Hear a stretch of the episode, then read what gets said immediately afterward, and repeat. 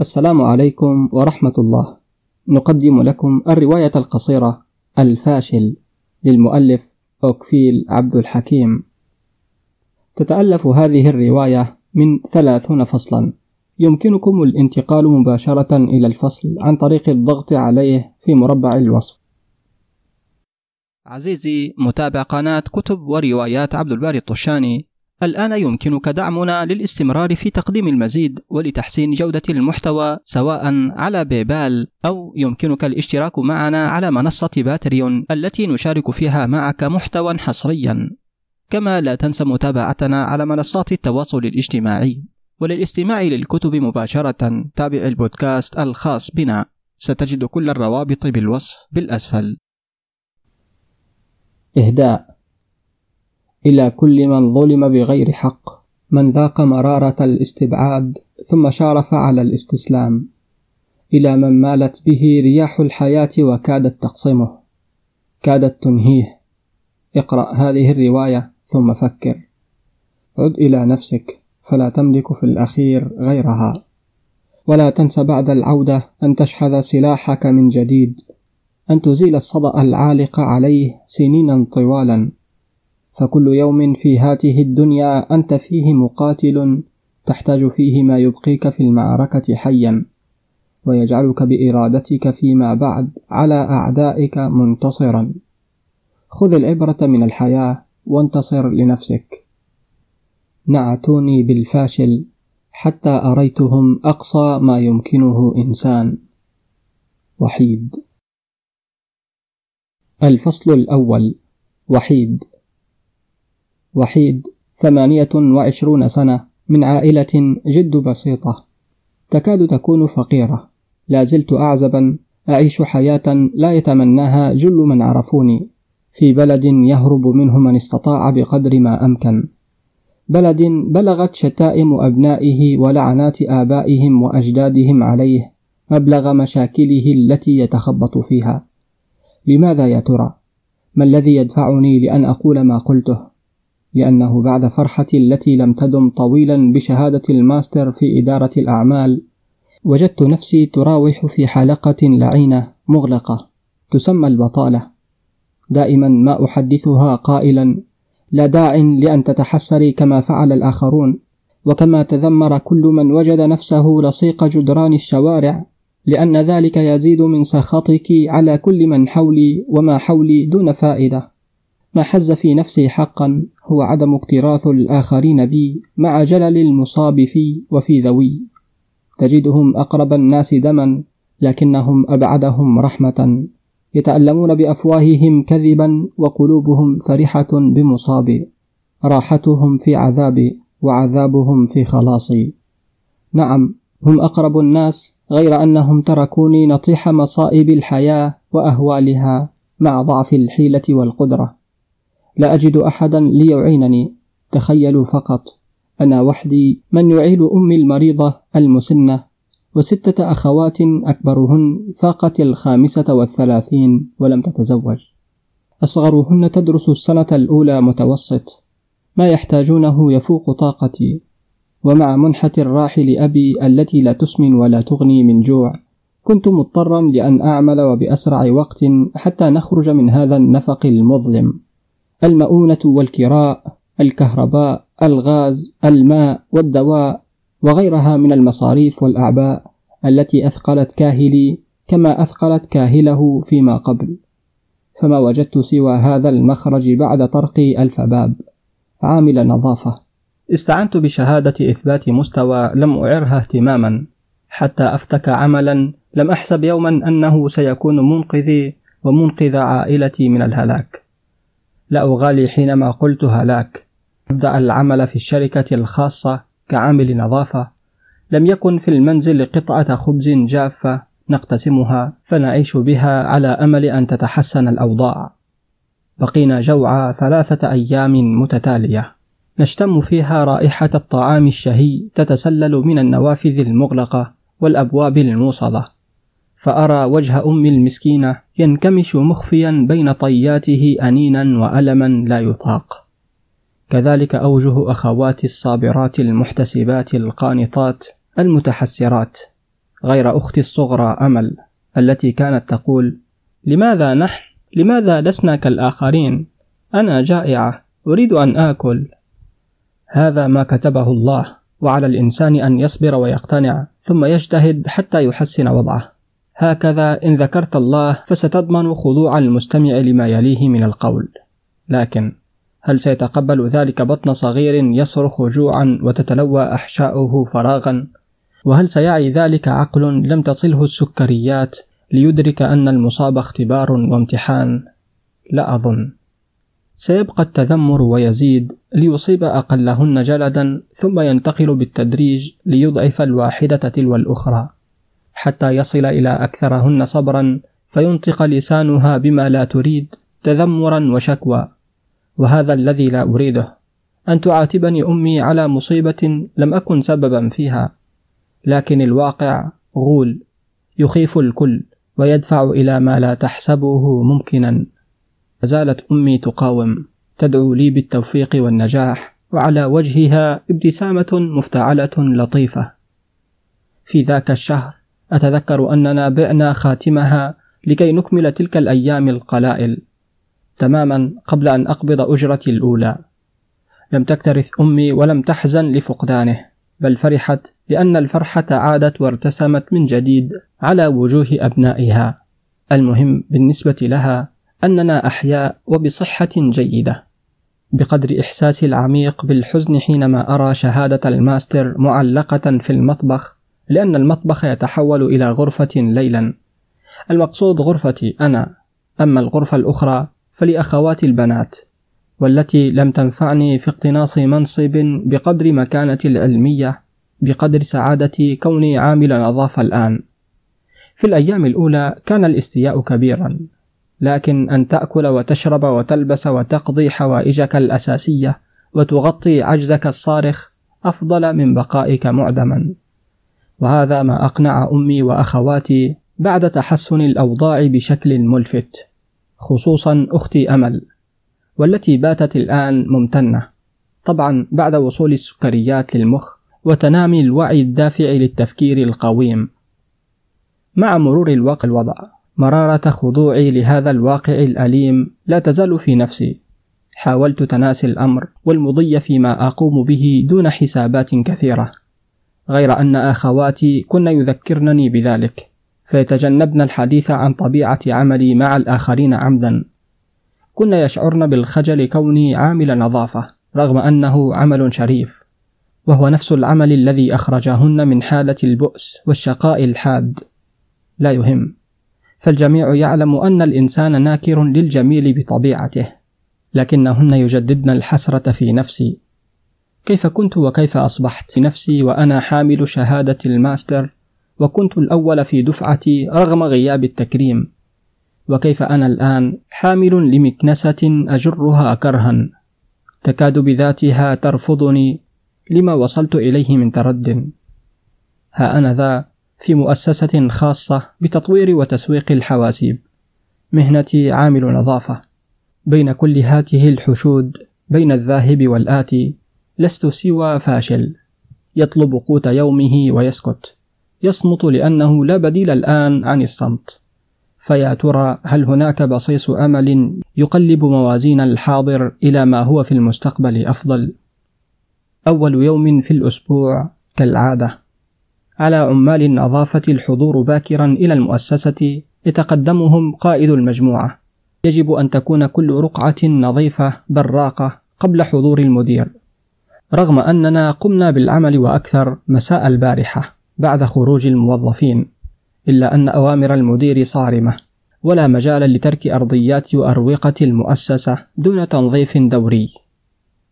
الحن بالكاد ترتفع الشمس من سرير أفقها حتى أقف أمام باب المؤسسة رفقة مجموعة من العمال الذين لم أستطع التأقلم معهم رغم مرور قرابة السنة. جل أحاديثهم عن النساء وبين كل كلمتين من كلامهم كلام بذيء يعكس مستواهم الأخلاقي المتدني. قررت البقاء فردا على أن أكون معهم في جماعة فصرت بذلك متكبرا مغرورا على حد قولهم كذبا وبهتانا. بالله عليكم كيف أتكبر وبماذا أغتر؟ سوى أنني خفت على نفسي نجسهم اللعين من أن يتمكن مني كما تمكن منهم. أغلبهم ذكور حتى لا نقول رجال. هناك نسوة يعملن في تنظيف المكاتب وترتيبها على غرار ما هم عليه من حاجة وفقر. الكل يعمل جاهدا لكسب المزيد. الكل هنا يكدح كدحا حتى آخر دقيقة من اليوم. البعض منهم يستعمل أساليب أخرى ملتوية محبوبة. كالتقرب من المسؤولين الكبار في الشركة والتودد إليهم. تقديم خدمات إضافية. حمل قفة فلان وكيس فلانة. قضاء حاجيات مختلفة. كل شيء مشروع. ما دام انتهاك الحرمات والقيم الإنسانية مسموحا به في دنيا الغاب هذه. وأنا عامل نظافة. تعلمت الكثير من الأمور وخبرت العديد من الأشخاص في هذه الإمبراطورية الفاسدة. الاحتكاك مع من تلاقيهم والتحدث معهم يفتح لك صفحات كتبهم رغما عنهم. لأن الألسن مهما كذبت تغلبها مكنونات القلب في لحظة من اللحظات. فتنسل عبارات واضحة صريحة بين تعابير كاذبة معروفة. ولأن الكذب صار مبتذلا بات الصدق في الكلام نادرا. وما ندر غالبا يجذب الانتباه. وأنا أنتبه لما يجذبني من حقائق الأمور. فمثلا كل يوم وأنا أنظف قاعة الاستقبال قبالة المدخل الرئيسي للشركة. أعلم من كانت فيه صفة الخبث المذموم. قلت أم كثرت. كل ودرجته في سلم الخبائث. هذا كريم. ليس له من اسمه شيء. هو رئيس مكتب تحديث البرمجيات. يمر علي كل صباح بابتسامة ملؤها ازدراء. إنسان متكبر مغتر. كلما مر أسقط منديله الورقي عمدا. ارفعه سريعا أيها الفاشل. يشتري منه لهذا الغرض بالذات. ليس ليمسح أنفه الذي لم ينزل يوما بل لينال مني. ينتشي بتمريغ كرامتي في الأرض. له رغبة مرضية دافعة. يشعر بالسعادة حينما يراني أرفع منديله وأرميه في السلة دون كلام. يظن نفسه فرعون زمانه. سعيد. مدير التسويق. زير نساء. ذميم بذيء. بدين ذو رائحة كريهة. يناديني كل مرة لأحضر له القهوة أو لأشتري له الغداء. مرات أجيب ومرات لا. أتعلل بأسباب واهية حتى أتجنبه. هو من النوع الاستغلالي. جابر. المتسلط الملعون. يعاملنا كالكلاب وهو كالكلب بين يدي رئيسه يعمل مترجما في الشركة حثالة وفقط. فهيم المتصرف الكاذب. ربيع المشرف على العلاقات بين الشركات المشهور بطماعه وجشعه فريد نائب المدير. الباحث عن السلطة. نعيمة سكرتيرة المدير العام وغيرهم كثير. فاسدون مفسدون لا يكلون ولا يملون من الكذب والخداع لا يفترون من البحث عن السلطة لا يتعبون من المكائد والمراوغات في سبيل أن يتدرجوا أكثر في سلم المسؤوليات. مسؤوليات رهينة أشخاص لم ولن يعرفوا قيمة الأمانة وجلل مصاب من خانها. أتعرض يوميا للمضايقات من طرف زملائي ومن طرف الموظفين رمي السجائر والأوساخ والبصاق على الأرض من الشائعة وكلمة فاشل أسمعها أكثر مما أسمع اسمي. ينادوني بها دوما وهم لا يدرون أن مستواي يفوق ما وصلوا إليه بأشواط. أما أنا فلا أرد على استفزازاتهم ولا أبين لهم مدى وقع كلماتهم المسمومة علي. ولو أنها تصعق القلب صعقا يتألم معها السامع ألما عميقا. كلب حثالة عبد لقيط جيفة وغيرها من الكلمات. لا تدرون كم هي حادة ولا تدرون مدى الصبر الذي تحليت به. لأتجاوز كل مرة مرحلة الجنون التي تنتابني كلما تعرضت للإهانة. لكنهم لا يعلمون ماذا سيحصل ولا يدرون ما الآتي. لن أفصح عما يجول بخاطري الآن. بطبيعتي أنا كتوم. عوض ذلك سأتكلم باختصار عن شخص لمحته في الفترة الأخيرة مختلف عن الآخرين هي امرأة شابة تعمل في هذه المؤسسة. يقال أنها المسؤولة الجديدة لمكتب التوظيف في الشركة. فسابقتها رحلت من شدة الضغط والمضايقات التي تعرضت لها. الكل على علم وكلهم يتجاهلون الأمر وكأنه لا حدث لكنه حدث. المهم أن وجه هذه الشابة كان مألوفا. لا أتذكر أين رأيتها من قبل. كانت الوحيدة التي إذا دخلت الشركة وقفت جانبي وأنا أنظف لتقول وفي وجهها ابتسامة خجولة أعانك الله يا أخي. فأرد مدهوشا وإياك أختاه. بسرعة تنمحي الابتسامة لتكمل طريقها نحو مكتبها قائلة بصوت خافت سمعته لمرات أنت لا تستحق هذا. فأعتدل في وقفتي وأراها وهي ذاهبة وفي نفسي نفس السؤال. ما الذي يدفعها لقول ما تقوله كل يوم تلقاني؟ لا زلت صابرا على كل حال. عل الزمن يجيب عن السؤال. قناة عبد الباري الطشاني على اليوتيوب للكتب والروايات المسموعة. الفصل الثاني. ملاك. هذه حياتي. روتين قاتل ممل. صحيح أني من عائلة غنية والحمد لله. لو أحببت شيئا حضر في حينه. ولو تمنيت أمرا تحقق. ذلك لأن المال يفتح الأبواب المغلقة. فقد رأيت أناسا يموتون جوعا ومرضا لأن المال خانهم. رأيت الكثير منهم فاقدا للأمل كارها لهذه الحياة. لماذا؟ لأن السيارة دون وقود لا تتحرك. ووقود الإنسان الآن هو المال. نعمة من نعم الله وليس فتنة إلا من أراد أن يكون عليه فتنة. أحب المال الجميع يحبونه ومن يقول عكس ذلك كاذب. فقط أريده عن استحقاق. أريد كسبه بالأطنان لكن عن جدارة. بعرق جبيني وليس هكذا كهدية. مللت. مللت من تحقيق ما أصبو إليه بسهولة. صرت لا أحس بلذة الحياة وقيمتها من شدة أنني محاطة ومحمية. صرت سجينة هذا الواقع المرير. قررت التحرر. التحرر من أبي الذي يعبد لي طرقا لا أريد السير فيها. التحرر من السهولة. أريد العيش في واقع يستحق أن تذرف فيه الدموع وتشعر فيه بالألم. واقع أصارعه لكي يعطيني. أريد أن أعيش تحديات ولو بسيطة. مستعدة لأن أستبدل فيلات وسيارات وشركات أبي من أجل ذلك. مستعدة لأن أدفع كيلوغرامات الذهب والفضة وكل ما هو ثمين وغال في سبيل ذلك. أتكلم عن أبي لأنه ما بقي لي في هذه الدنيا. أمي توفيت إثر مرض وأنا ابنته الوحيدة. طبيعي أن يخاف علي ويشك في علاقاتي مع من حولي. يظن أن كل من أصاحبهم يودون الاستيلاء على ثروة وأملاك العائلة عن طريقي بشكل أو بآخر. أما أنا ففي الحقيقة ليس لي صاحبة ولا زميلة. حواراتي ومحادثاتي الواقعية أو الإلكترونية تبقى دائما سطحية مع من أتخذهم رفاقا. لا أنوي الارتباط حاليا أيضا. رغم أن الحياة الأسرية تستهويني. أريد أن أكون أما أنا أيضا. فتلك فطرة فينا نحن الإناث. لكن أن أترك أبي الآن لا. لا أستطيع أن أفسر ذلك. لكنه أمر يردعني كل مرة. فكرت فيها بالارتباط.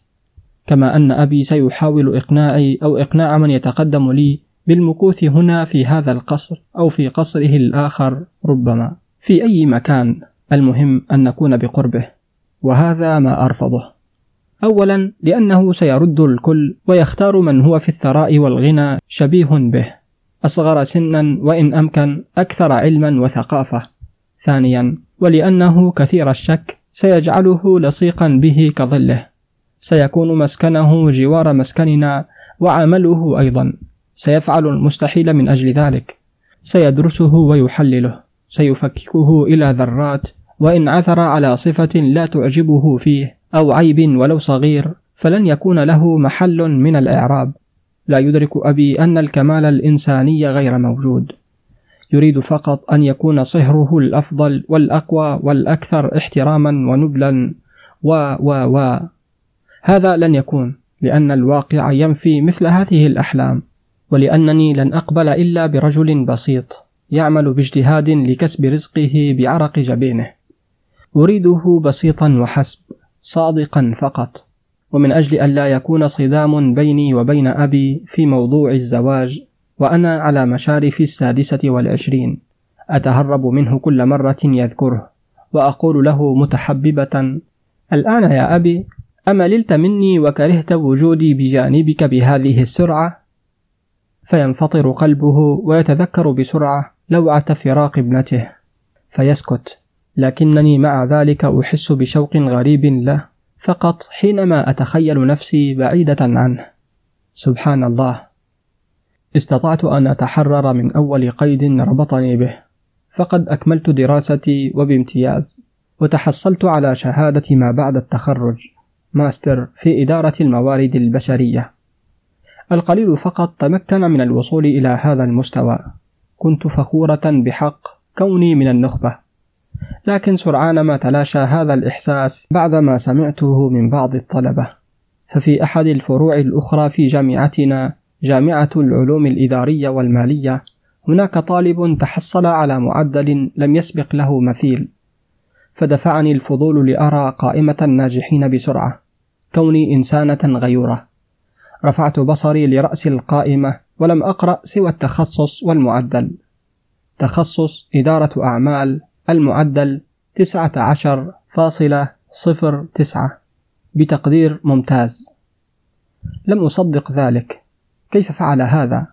لابد وأنه رشى الأساتذة حتى تضخمت نقاطه إلى هذا الحد.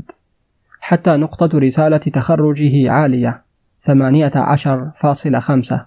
متطاولة في لحظة الذهول تلك كان بجانبي طالب يرى القائمة مبتسما. بلباس لم أعهده على طلبة هذه الجامعة. لباس كلاسيكي جميل. قلت مستهزئة أترى تسعة عشر فاصلة صفر تسعة؟ من يكون هذا؟ أينشتاين.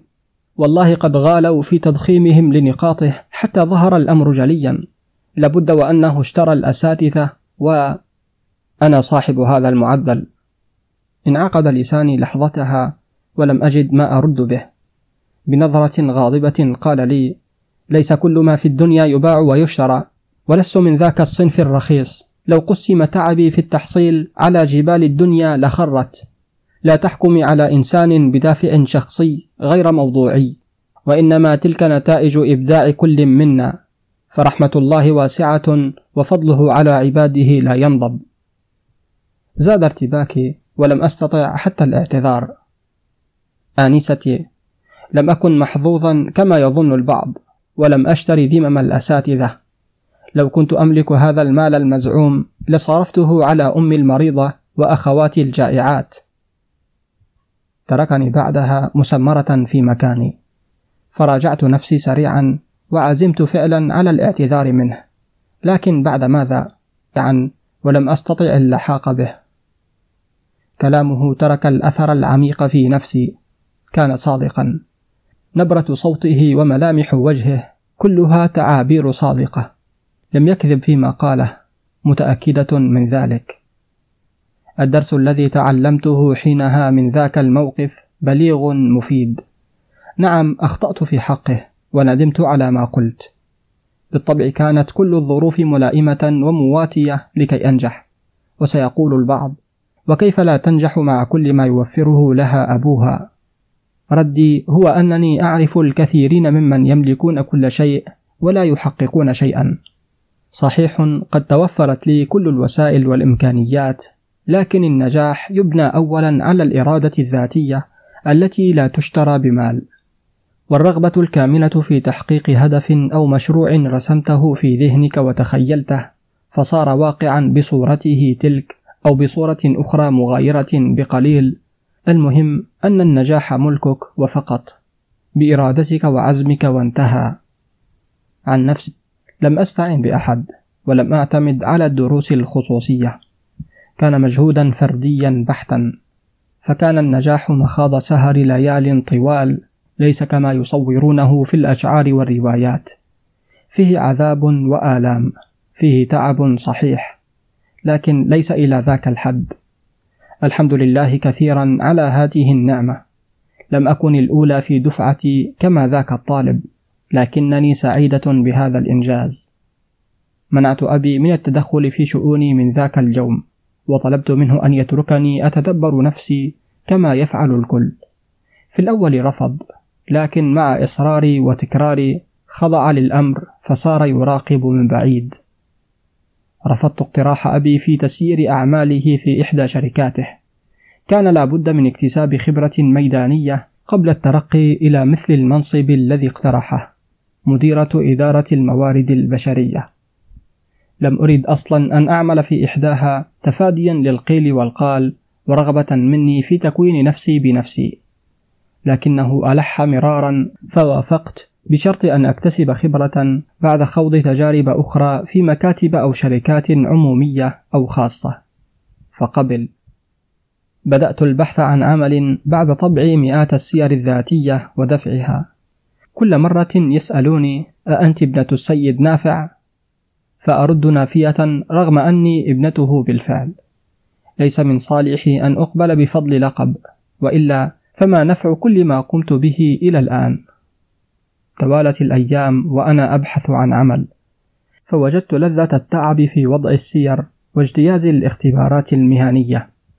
أحسست فعلا أني إنسان يصيب ويخطئ يتعرض لمشاكل ومخاطر توقعه في مآزق تجبره على التحرك والتفكير للخروج منها. لربما أسمع الكلام البذيء والجارح لكن قيمتي باقية كإنسان. ما دمت أتحرك وأسعى. أخيرا أنا إنسان شعور لا يوصف. مرت تقريبا سنة وأنا في سعادة. منبعها آلام الرد وتعب البحث. وفي الأخير كللت جهودي بالمنصب الذي بحث. مسؤولة في مكتب توظيف في مؤسسة خاصة بتطوير وتسويق الحواسيب. Pro Work بالعربية العمل المحترف. السعادة التي شعرت بها حينها لا توصف. وأخيرا ومن دون مساعدة أبي من دون مساعدة أحد بفضل الله وعونه فقط تمكنت من افتكاك منصب. كم كنت فخورة بنفسي. رغم بعض الإشاعات هنا وهناك عن استقالة من كانت قبلي في المنصب بسبب المضايقات والمساومات إلا أني تجاهلت ذلك. فأنا لست هي. إضافة إلى أن هذا العمل بالنسبة لي مكسب لأكون نفسي في المجال. خذ خبرة أنتفع بها. كما أن شخصيتي قوية وأنا بطبعي عنيدة. لن أفسح المجال لأي كان ليمس كرامتي وشرفي فهما أعز ما أملك. في الأيام الأولى من العمل استوقفني لمرات عديدة وأنا متوجهة إلى مكتبي مشهد شاب ينظف مدخل الشركة بعيدا عن رفاقه. ينظف وحده مطأطئا رأسه هادئ. أمره من حيث لا أدري. اقتربت منه مرة وحييته. صباح الخير يا أخي أعانك الله. رفع رأسه نحوي ببطء دون أن يتوقف عن العمل. وإياك أختاه. صدمت. ربما لم أصدم في حياتي كما حدث لي لحظتها. كان الشاب ذاك الطالب صاحب أعلى معدل. صاحب 19.09 الحامل للماستر في إدارة الأعمال. هو أقسم أنه هو. تقاسيم وجهه كانت ولا زالت محفورة في ذاكرتي منذ الوهلة التي رد فيها على استخفافي بذلك الأسلوب الحذق. ماذا حدث له؟ ما الذي دعاه لأن يعمل منظفا وهو ذو الكفاءة وصاحب الماستر؟ ألم يجد عملا يلائم قدراته وشهادته؟ وإن كان الأمر كذلك. فلماذا وجدت أنا وهو لا؟ حينها تذكرت ما قاله. لو ملكت المال لصرفته على أمي المريضة وأخواتي الجائعات. هي الظروف التي دفعته إذا قهر الحياة. أغلال الوقت التي التفت على عنقه بسرعة وهو صابر. هو الامتحان الذي كتبه الله عليه. انتابني حزن شديد لما رأيت. كيف يمكن أن تكون الدنيا بمثل هاته القسوة؟ أنت لا تستحق هذا. قلتها عن غير قصد وأكملت سيري. ربما لاحظ تغير ملامحي وصوتي أو سمع همسي هذا. لكن لا أظنه عرفني. لم أتح له فرصة التمعن جيدا في وجهي حتى يتذكرني. ولن يكون له ذلك بعد اليوم. تكفيه تحيتي السريعة. وإن قدر الله ورجعت به الذاكرة وأدرك من أكون. فسيزيد عذابه وألمه. المستفزة تعمل في الإدارة هنا وأنا أجمع فضلاتها. بالتأكيد ستكون ردة فعله كذلك. سيقهر سيشعر بالذل والمهانة وأنا منه استحييت لذا سأحاول جاهدة تفاديه فذلك أفضل. عل الزمن يعطيه الآن ما منعه سابقا فيمنحه ما يستحق فعلا. قناة عبد الباري الطشاني على اليوتيوب للكتب والروايات المسموعة. الفصل الثالث. فريد. أحب السلطة. لا يهمني أن أكون نذلا أو محتالا في سبيلها. ما نفع القيم في عالم الغاب هذا؟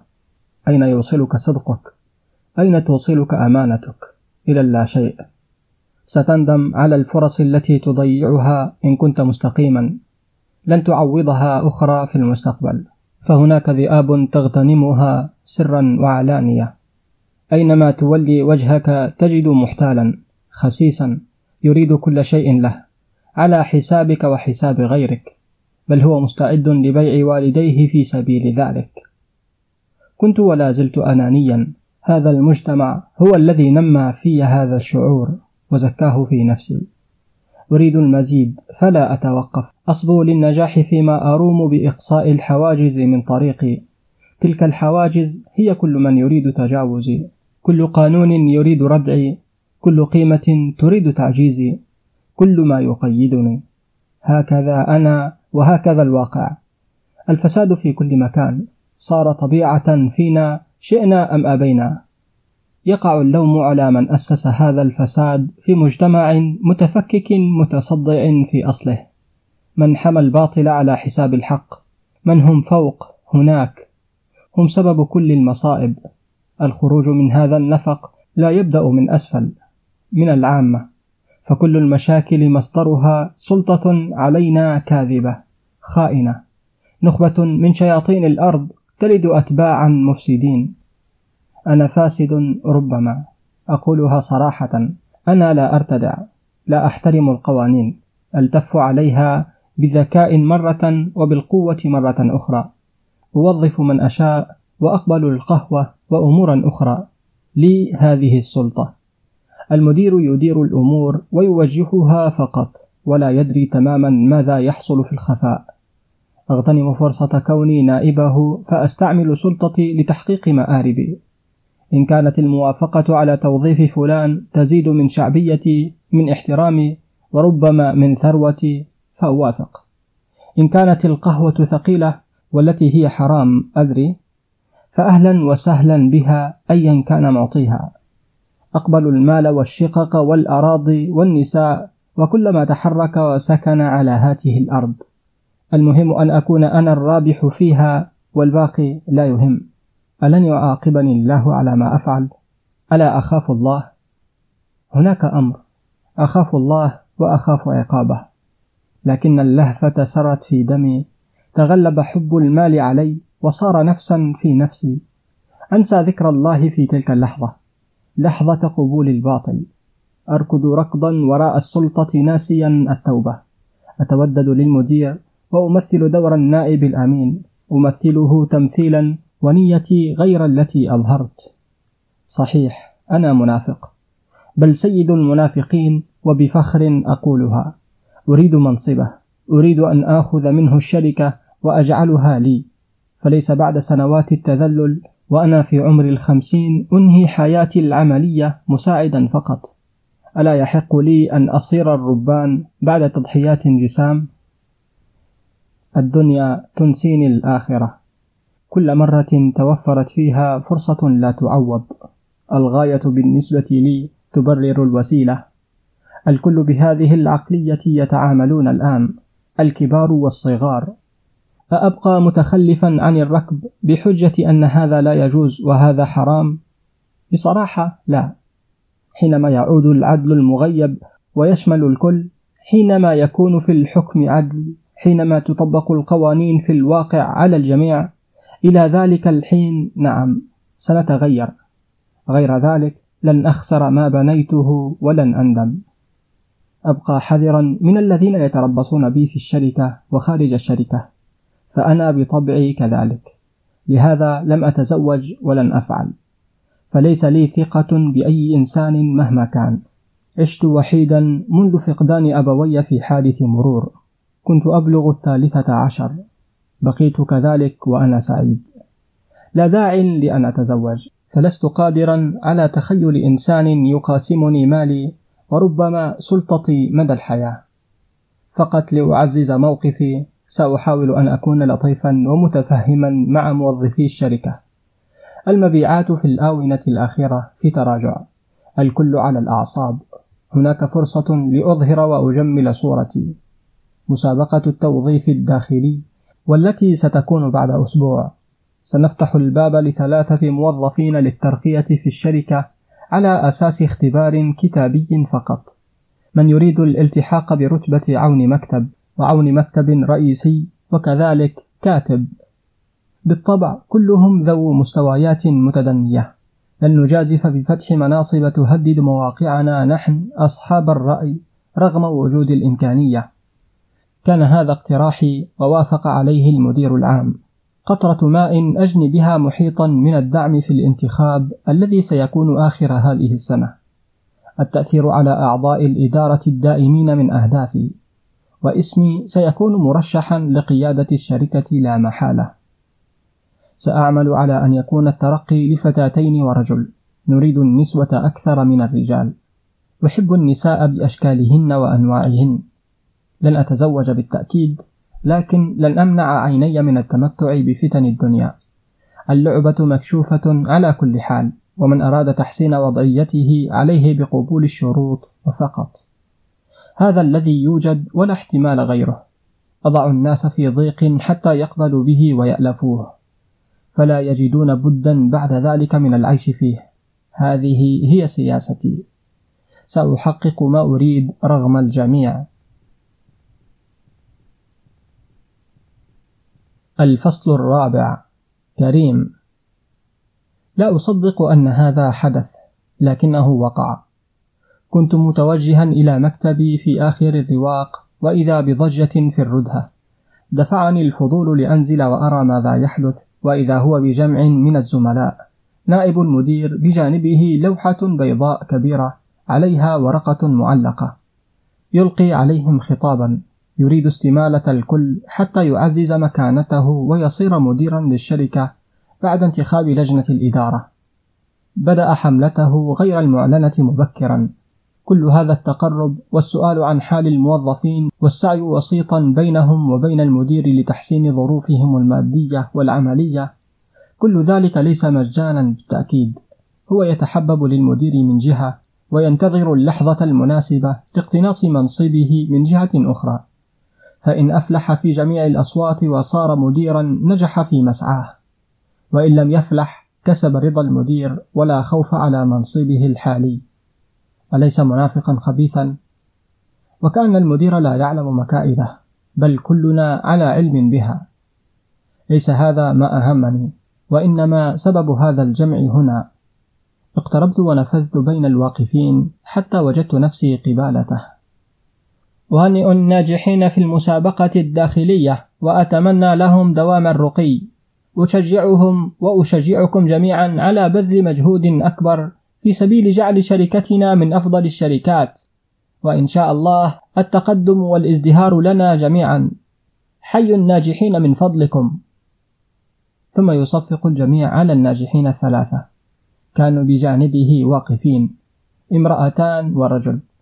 شابتان في مقتبل العمر وشاب آخر لقد كان لم أتمالك نفسي حينها. رفعت صوتي وسط التصفيقات قائلا هذا أنت؟ لم يسمعني أحد سواه. أدار رأسه نحوي ورآني جيدا. لم أستطع قراءة معنى تلك النظرة. بدا عليه هدوء غريب. ارتسمت على وجهه ابتسامة خجولة. قابلته بنظرة ملؤها حقد وغضب كيف لمجرد عامل نظافة أن يرتقي بهذه السهولة بالقرب مني كان سعيد مدير التسويق زير النساء ذاك فسألته هل ارتقى ذاك الفاشل؟ كيف سمحتم له باجتياز اختبار الترقية وهو مجرد عامل نظافة دون مستوى؟ فرد لا يهمني ماذا فعل وكيف صار المهم في الأمر هو هاتين الفتاتين الفاتنتين فمكتبيهما سيكونان بجانب مكتبي قريبا. يضحك سعيد ضحك المجانين بالطبع.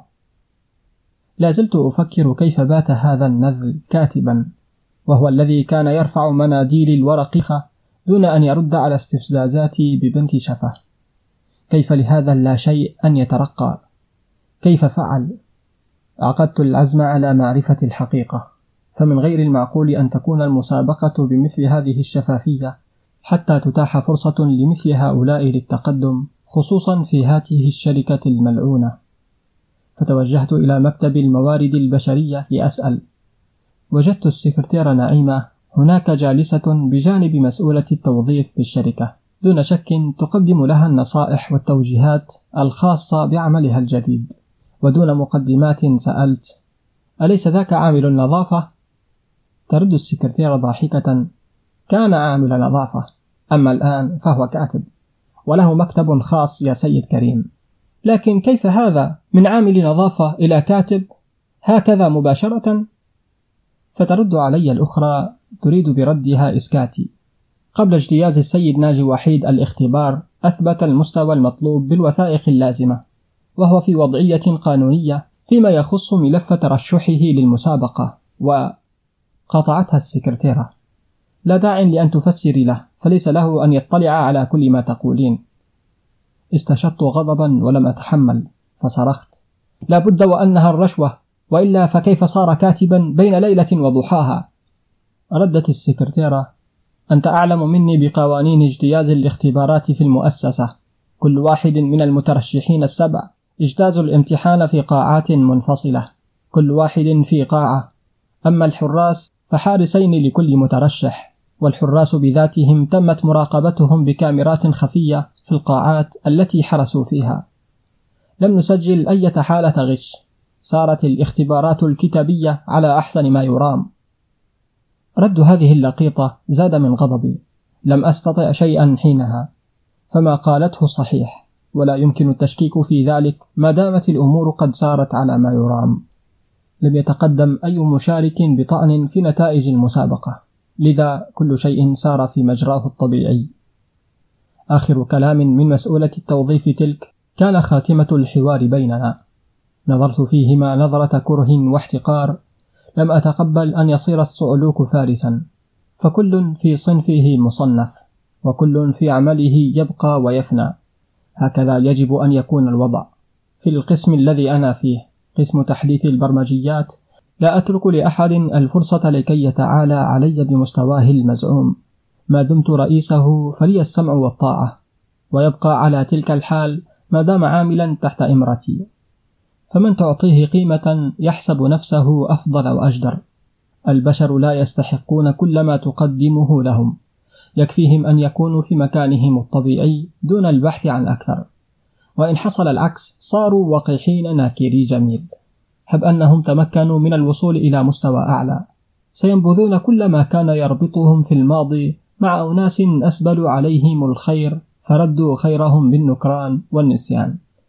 ولربما بالشر والعدوان تفاديا لكل ذلك وحفاظ أي للأمور بقاء كل في مكانه وصنفه ومستواه يضمن الاستمرارية المعقولة والمنطقية. ويغلق الأبواب أمام الخيانة والغرور. أشعر بغضب كبير. نار بداخلي تمزق وتحرق. تركتهما وشرر الغضب من عيني. لم أستطع قول شيء يعود علي بالضرر فيما بعد. فالآن هو كاتب وليس مجرد عامل نظافة. ستصير كلمته مسموعة في الإدارة. سيكون له ثقل ورأي الآن. هذا الذي خشيته. هذه هي الفوضى المخيفة. التغيير الذي يزعزع النظام. اطمئن. لن أتركك. سأعيدك إلى مكانك. مكانك الأول حيث صنفك وأصلك. سيكون لي معه لقاء آخر. فليستعد جيدا لمواجهتي. قناة عبد الباري الطشاني على اليوتيوب للكتب والروايات المسموعة. الفصل الخامس. ملاك. أنا سعيدة. حقا سعيدة. لست سعيدة لنفسي بل لذلك الشاب. ظننته سيبقى كما هو. هكذا خانعا خاضعا مستسلما لظروف الحياة التي رمته في جزيرة النسيان. ظننته من النوع الذي ألفته وخبرته من قبل. شباب يلقون باللوم على الظروف وعلى الأشخاص يتنصلون من المسؤولية ويحملونها آخرين. وهم الأجدر بها. في الأخير لهذا الشاب إرادة. إرادة كبيرة عكس ما توقعت. جرت الاختبارات الكتابية في أحسن ظروف. كما تمكن هذا الشاب الذي اسمه وحيد من الإجابة عن الأسئلة كما يجب بالرغم من وجود أخطاء على ورقته لا يقع فيها من هم في مثل مستواه. وهذا الذي استغربت إلا أنه تمكن من النجاح في المسابقة وافتكاك المنصب. فرحت لأجله وكأني من نجحت. لا أدري لماذا. ربما إيماني بوجود أناس يعملون ويجتهدون رغم الظروف الصعبة والإمكانيات القليلة وأنهم في الأخير يصلون إلى ما يصبون. هذا الاعتقاد الذي تحقق واقعا في شخص هذا الشاب هو الذي أفرحني وأكد لي ما كنت ولا زلت مقتنعة به. أن تأخذ ما تستحقه بعرق جبينك هو الثروة الحقيقية. رغم هروبي المتكرر منه بعدما اكتشفت حقيقته كان من اللازم مواجهته. فملف تعيينه ككاتب في الشركة يمر على مكتب التوظيف والموارد البشرية والذي أنا مسؤولة عنه. في يوم تقديم الملفات كان قلبي ينبض بشدة. توترت كثيرا كوني أعرف هذا الشاب ولا أدري إن كان سيتذكرني أم لا. ليس هذا فقط. أمر غريب والله لا أدري ما الذي يجعلني أهتم به. وكأنه الخبر الذي تنتظره بشوق وكأنه شربة ماء عطشان في صحراء قاحلة. هو بزوغ شمس تشق إزار الغيوم. نعم هو كذلك وأكثر. أتفاداه كرها وأشدو لقياه بشدة. لا أدري ما سأقوله وما سأفعله الآن. يقال في المواقف العسيرة كن على طبيعتك. وكأنك تستطيع أن ترتاح وتكون على طبيعتك. وكل ذرة من جسدك تهزك هزا وكأن زلزالا يضرب أوصالك أعماقك وأطرافك. كلام فارغ. على الذي قالها أن يجرب ما أنا عليه حتى يشعر بحقيقة الأمر ويعتذر عما أوهم الناس به. إنه هنا. يا إلهي ما بي. تجمدت كالصنم في مكاني. تقدم بعد الاستئذان. السلام عليكم. هل يمكنني؟ نعم بالطبع. تفضل. لا أدري كيف تكلمت بطلاقة. ضربة حظ؟ لا. لا وجود للحظ أصلا. هذا الملف الذي طلبتم مني استكماله. كل الوثائق موجودة.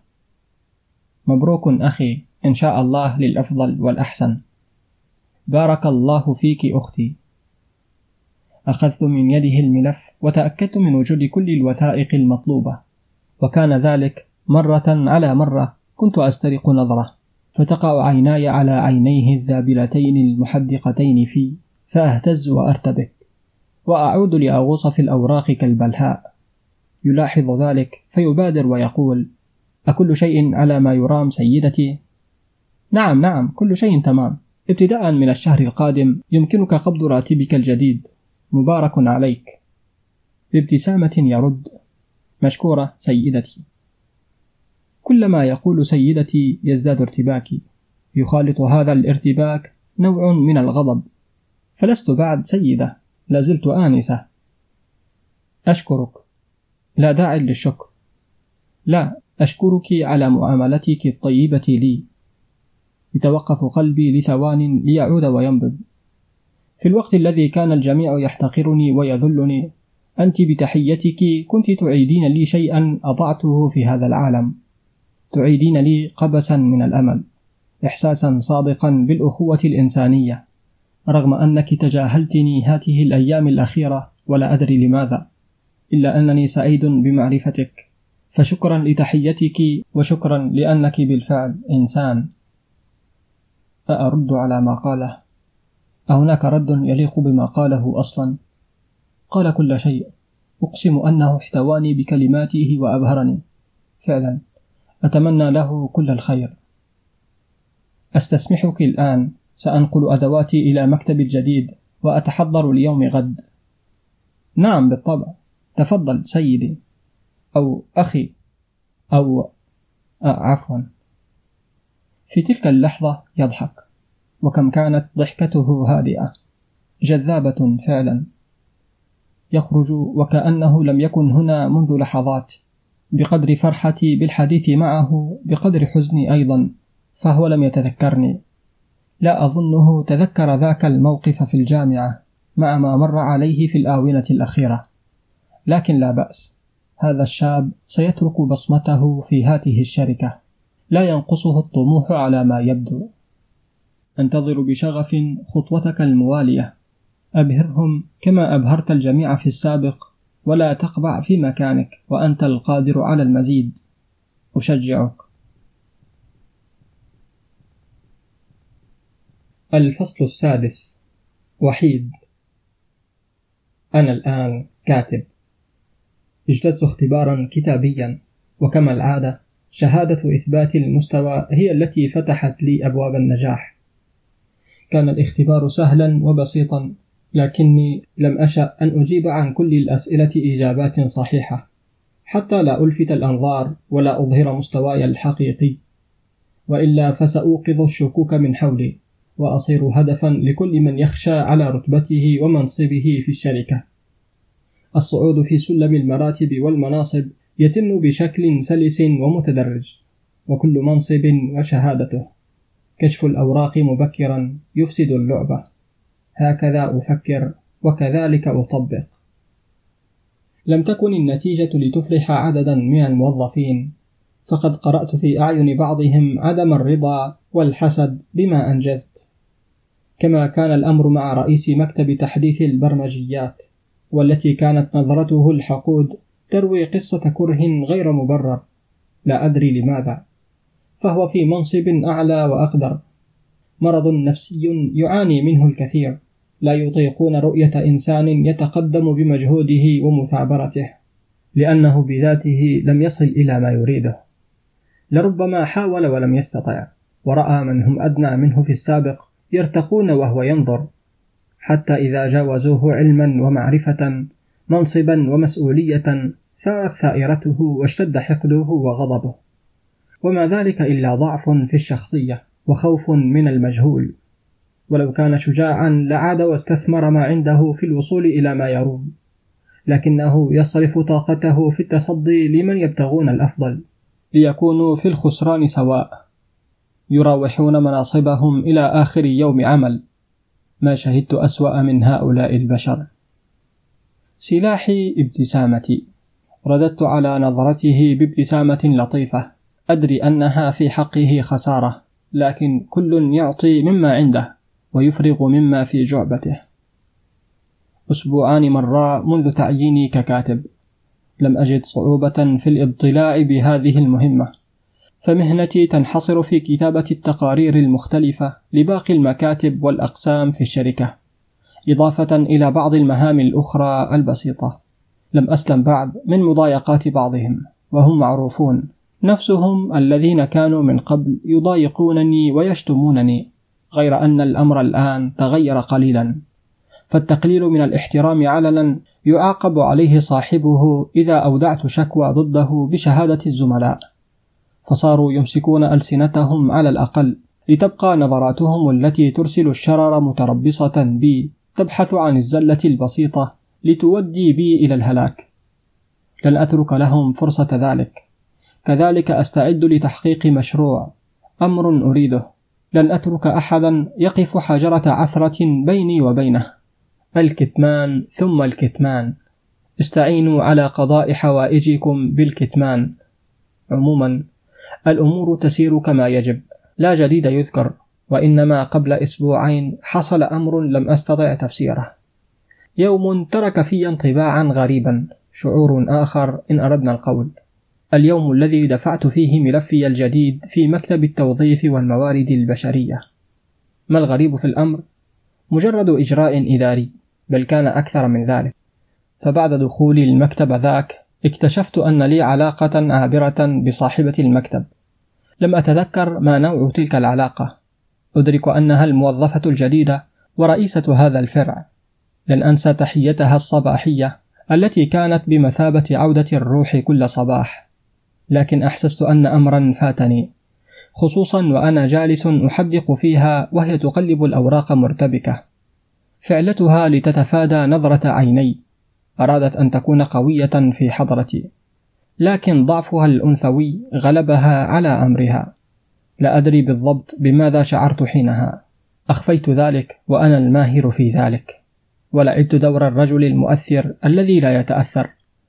والحقيقة أني اهتززت وبذاتي ارتبكت. لكي يرتاح كلينا قاطعتها وبادرت بالخروج سريعا قبل أن تتأزم المشاعر وتختلط الأحاسيس. كانت بانتظار شيء مني. أحسست بذلك؟ نعم. كما الصغير الذي ينتظر منك إعادة كرته بعد إرسالها؟ هكذا يداه مفتوحتان وابتسامة بريئة على وجهه تسبق تلقي الكرة. حينما وقفت وهممت خارجا أحسست وكأن صوتا من خلفي يناديني. يا وحيد اجلس وأكمل كلامك. فما أتيت سوى لدفع الملف؟ أفرغ ما في جعبتك فأنا بانتظار ما ستقوله. لكنني خرجت وتركتها هناك. وددت لو عدت وسألتها لكن هيهات أن أعود. لم أملك الشجاعة الكافية لذلك. للأسف كنت جبانا هاته المرة. لنا في المستقبل القريب لقاء آخر إن شاء الله. لا محالة. فأنا لن أتوقف عن تحسين موضعي في الشركة. ما دمت قادرا على تخطي الصعوبات. خصوصا وأن الأمور باتت أفضل بالنسبة لي. فقد تمكنت من مداواة أمي وتحسين ظروف المعيشة في المنزل. صحيح أن التحسن كان طفيفا لكنه واضح. فالحمد لله رب العالمين. بعد فترة من الاجتهاد تذكرت أخيرا تذكرت عادت بي ذاكرتي إلى الوراء. أو تعلمون كانت الشابة تلك إحدى الطالبات في الجامعة التي كنت أدرس فيها. حينها أبدت لي ملاحظة عن صاحب المرتبة الأولى في تخصص إدارة الأعمال. بالطبع أنا المقصود. كانت مستهترة ساخرة. لم يعجبني كلامها وامتعضت منه امتعاضا. تركت لها كلمات أدرك أنها أثرت فيها. تلك الطالبة هي نفسها رئيسة مكتب التوظيف الحالية. تركتها على هواها بعد ذاك اللقاء ولم أعلمها بذلك. هكذا أفضل أظن. ما هو رأيي فيها الآن؟ ألا زالت تلك الصورة لصيقة بها؟ ألا زلت أعتبرها تلك الساخرة التي تحكم على الناس دون معرفتها بحقيقة الأمور؟ أتدرون؟ من يلقي عليك السلام ويحترمك كإنسان ولو أخطأ في الماضي وفي الوقت الذي يجد فيه الآخرون في إذلالك والتقليل من احترامك. الشخص الذي يقدر ما تقدمه مهما كان بسيطا ويراك بنظرة إنسانية دون تصنيفك في درجة أو رتبة. هذا الإنسان يستحق أن تتجاوز عن زلاته وتبادله الاحترام والتقدير كما يجب أن يكون. الأفعال تدل على النيات. والنيات مرآتها الأفعال. قناة عبد الباري الطشاني على اليوتيوب للكتب والروايات المسموعة. الفصل السابع. نعيمة. بفضل منصبي هذا أنا على علم دائم بكل ما يدور في الشركة وعن بماذا سيكون فيها من تجديد وتغيير في المستقبل القريب. إلا بعض الأسرار التي يؤثر المدير أن يتركها لنفسه. والحديث في هذه الآونة عن هذا الشاب الذي صنع الفارق وانتقل من عامل نظافة إلى كاتب. هذا الأمر لم يحدث منذ تأسيس الشركة. البعض رحب والكثير امتعض كذلك هناك ما يسمى بالجائزة السنوية للإبداع تحت رعاية المدير بالذات. لا أدري ما فحواها هذه السنة. غير أنها تقام لاختيار أفضل مخطط لتطوير الشركة على مدى خمس سنوات مقبلة. لجنة مخت تتكفل بدراسة المخططات وتقييمها والفائز يتحصل على جائزة مالية معتبرة. يستطيع موظفو الشركة على مختلف اختصاصاتهم المشاركة. ذلك لأن فكرة واحدة من مجرد موظف عادي يمكن أن تكون بداية لمشروع تنموي عجز عنه من هم في صميم الاختصاص. الأفكار ملك الكل، وكما يقال: يوجد في النهر ما لا يوجد في البحر. هذا ما يقال. هدف المسابقة تشجيع روح المنافسة بين الموظفين ودفعهم للإبداع والابتكار، خصوصا وإن كانت الجائزة المالية مغرية، فبالتأكيد ستكون المنافسة ضارية. هناك أهداف أخرى عميقة لا يعلمها سوى المدير. حتى أنا لا أدري لماذا يخصص مبلغا كبيرا لمنافسة هو في غنى عن تنظيمها. فلو أراد لكان له على مكتبه ألف اقتراح من مستشاري الأعمال الذين يعملون معه. إن في الأمر سرا. على كل حال لا يهمني ماذا سيكون وما الذي سيحدث. الفصل الثامن. مالك مدير الشركة. أن تكون رب أسرة أمر صعب ويحتاج منك جلدا وصبرا. ذكاء تسيير كذلك. ذلك لأن كل فرد له احتياجاته ومشاكله داخل هذه المؤسسة الصغيرة.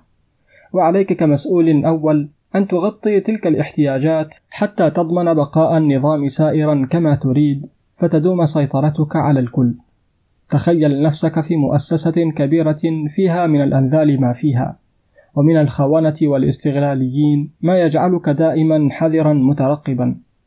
لا تربطهم فيما بينهم رابطة، هوايتهم دوس الآخر لبلوغ منصب أعلى. منهم من دفعهم الطمع والجشع إلى التفكير في اعتلاء عرشي، يتربصون بي وينتظرون الزلة حتى ينقضوا علي. أعلم من هم، فليرتاحوا ولا يتعبوا أنفسهم. فكل ما يخططون إلى زوال. لم أرفع أسس Pro Work من أجل أن يأتي مثل هؤلاء وينزعوا مني ملكي دون ما حياء هذا لن يكون. لكني بحاجة إلى الحمقى في الشركة. الذين لا يهمهم شيء سوى المنصب بأي ثمن كان. أنا أعطيهم ما يرغبون بالقطرة. أوهمهم بفتح الأبواب والفرص ليصيروا أفضل. في الحقيقة أنا أذر لهم الفتات ليطلبوا المزيد ولن يأتي المزيد إلا بعد مدة طويلة. فأربح الوقت وهم يأملون. فأضمن ولاءهم ويبقون تابعين لي أمدا آخر وهكذا دواليك. بالنسبة لمن حسبوا أنفسهم أذكى وأكثر حيلة ومكرا قد جانبوا الصواب تماما. أنا على دراية تامة بمخططاتهم فلي أعين في كل مكان.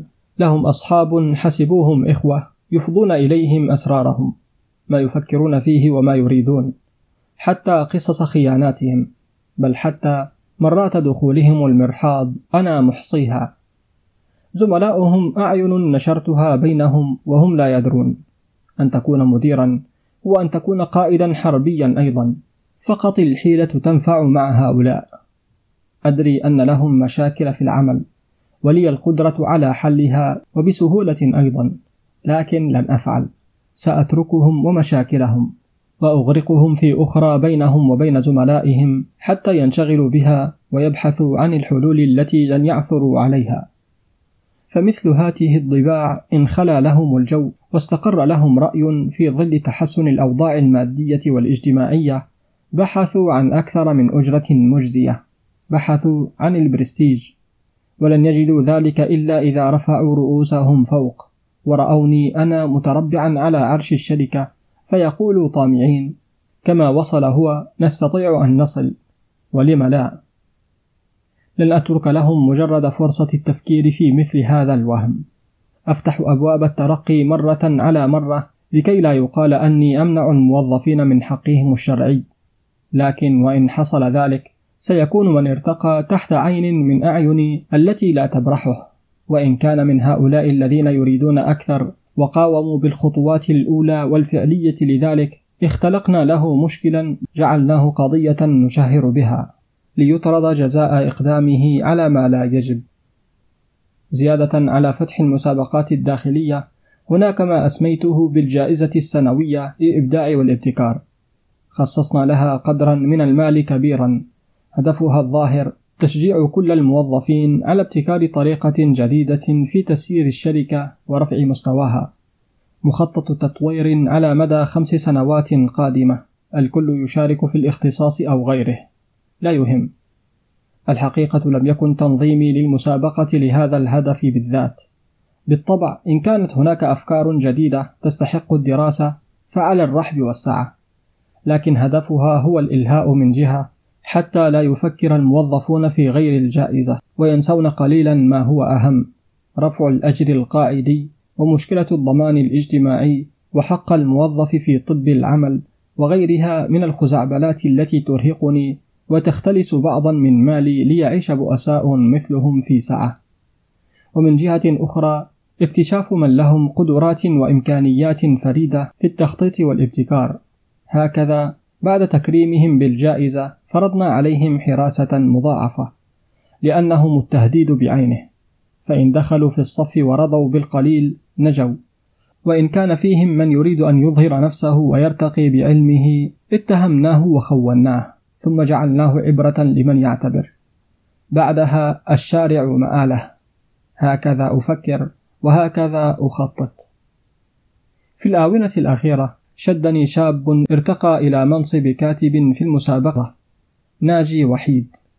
على الرغم من أن مستواه في الاختبار كان متوسطا إلا أن تقاريره وكل الملفات الإدارية التي ملأها تنم على مستوى أكاديمي عال.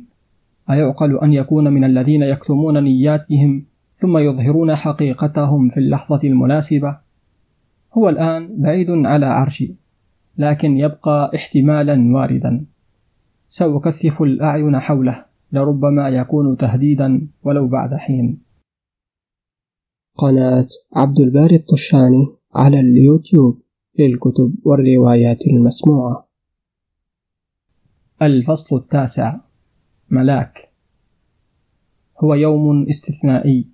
بعد ثلاثة أسابيع من الأخذ والرد بين أفراد لجنة التقييم ستفرج نتائج المسابقة الخاصة بأفضل مخطط خماسي لتطوير وتحسين شركة بروور في قاعة الحفلات نظم يوم تكريمي لصاحب المخطط والذي سيعلن عن اسمه بعد لحظات.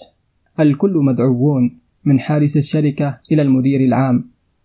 يوم ليس كسائر الأيام كوني أحضر أول مرة لمثل هذه الاحتفاليات. كلام هنا وهناك عن الفائز المحتمل. يقال أنه ربيع.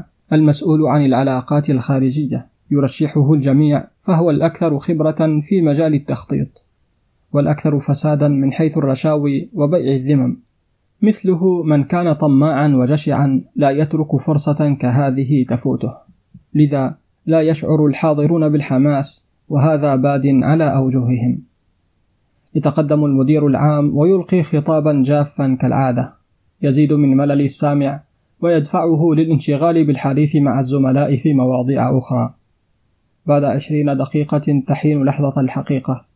اللحظة التي سيعلن فيها رئيس لجنة تقييم المشاريع اسم الفائز. كنت الوحيدة التي على الأعصاب وبدت علي جليا أعراض التوتر. لا أدري لماذا وكأن أمرا جللا على وشك الوقوع. والفائز بجائزة أفضل مخطط خماسي لتطوير شركة Pro Work هو جل الأنظار في رئيس اللجنة وبعضها في ربيع والذي يبدو مزهوا فرحا قبل سماع اسم الفائز. الفائز هو ناجي وحيد. تحية كبيرة للفائز. هدوء تام. يخيم الصمت على القاعة. شيء لا يصدق. غير معقول. ردة فعلي الأولى هي النظر في وجه ربيع. لن تتخيلوا حجم الصدمة البادية على وجهه. ترجمتها تلك العيون الشاخصة والفم المفتوح. أعين الجميع متأملة في الفراغ. ينهض وحيد من مكانه وسط الحاضرين. ينزل الأدراج في صمت وهدوء ويتقدم نحو الميكروفون. ينتظر أمرا قبل أن يلقي كلمة الفائز. كان ينتظر التحية والتصفيق الذي طال ولم يسمعه. بقدر دهشتي الكبيرة كانت فرحتي عارمة. صحيح أني شاركت ولم أفلح لكن فوزه وجرأته الكبيرة على مقارعة من هم أكثر خبرة منه رغم القيل والقال كانت أفضل دليل على إرادته ورغبته الكبيرة في هدم الفكرة الراسخة في أذهان هؤلاء. التطور والازدهار ممكن وكائن، من يبحث عنه يجده. التوكل على الله والاجتهاد فقط يمكناك من الوصول إلى هدفك. وقفت دون أن أدري وصفقت تصفيقا حارا آلمتني معه كفاي لكني استمررت فيه حتى تبعني الحاضرون فوقفوا وصفقوا معي مذهولين وأنا أرى في وحيد أستشعر الفخر والاعتزاز بهذا الإنجاز ابتسامته الخجولة رسالة قوية لكل من شكك في قدراته وكفاءاته. لا يزال ربيع فاتحا فمه غير مصدق لما يحدث. فلتكن له عبرة فليس كل شيء يشترى بالمال. لم يكن أحد ليتنبأ بفوز وحيد. أما الآن فقط صار محط أنظار الكل. يلقي كلمته التي قال فيها أشكر لجنة التنظيم على اختيارها لعملي كأفضل مخطط خماسي لتطوير الشركة. كما أشكر المدير الذي فتح الأبواب لكل الموظفين للمشاركة بكل حرية في هذه المسابقة. الحمد لله كثيرا. الحمد لله أولا وأخيرا. توالت التصفيقات ويتقدم المدير ليسلمه الشيك بمبلغ مائتي ألف دينار.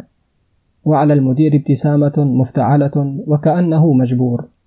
في الحقيقة لم أكن لأهتم بكل تلك النظرات الغيورة وإنما فرحة الانتصار تلك أنستني كل شيء. جلسنا بعد تصفيق طويل ينزل وحيد من المنصة وهو يمشي يرفع رأسه وينظر في بين كل تلك الجموع ينظر في أنا فقط وكأنه يعلم مكان جلوسي. رأيته يبتسم. أقسم أنه ابتسم لي. لم أصدق. لا أدري لماذا لكن أحسست بفرحة اخترقتني واستعمرت أراضي وسمائي لماذا كل هذه الأحاسيس الغريبة مرة واحدة؟ الفرحة الانجذاب الاهتمام الافتخار. كلها في عشر دقائق. أحقا كانت وليدة عشر دقائق؟ قبل انتهاء الحفل شعرت بأمر غريب آخر. بالخوف والفزع هكذا وبشكل مفاجئ. وكأن أمرا فظيعا سيحصل بعد الفرحة هاته. تهديد قريب بعيد. لا أعلم لا أدري. لكن صدر قبض بشدة. رحماك يا الله. فليكن شعورا كاذبا. فلتدم أفراحنا لمدة أطول يا الله. كانت احتفالية قصيرة. وددت لو نزلت وحييته بنفسي. لكني استحييت منه.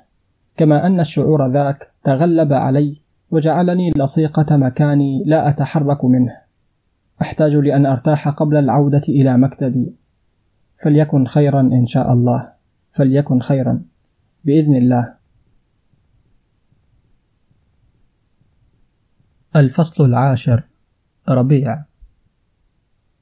لو تعلمون حجم الكره الذي أكنه الآن لذاك الصغير السافل كيف تجرأ وأخذ مني ما كنت أحق به منه؟ مع كل الوعود والضمانات كل ما أعطيته من مال لرشوة اللجنة لم ينفع. أخذوا المال وكأن شيئا لم يكن. آثروا الشفافية ربما أحسوا بالخطر يهددهم. خافوا فعدلوا عن الصفقة. لقد خدعت. الآن لن أستطيع حتى استعادة مالي أو الإبلاغ عنهم. لأنه سيقضى علي بصفتي الراشي هم الآن في أمان.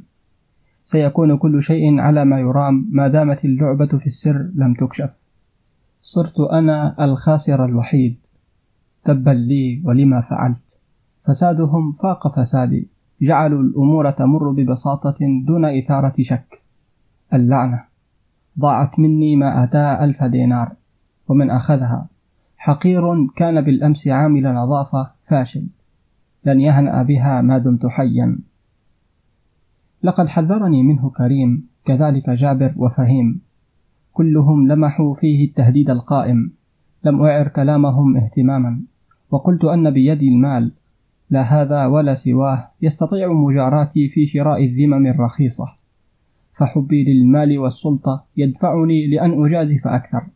وفي كل مرة أفلح. إلا هاته.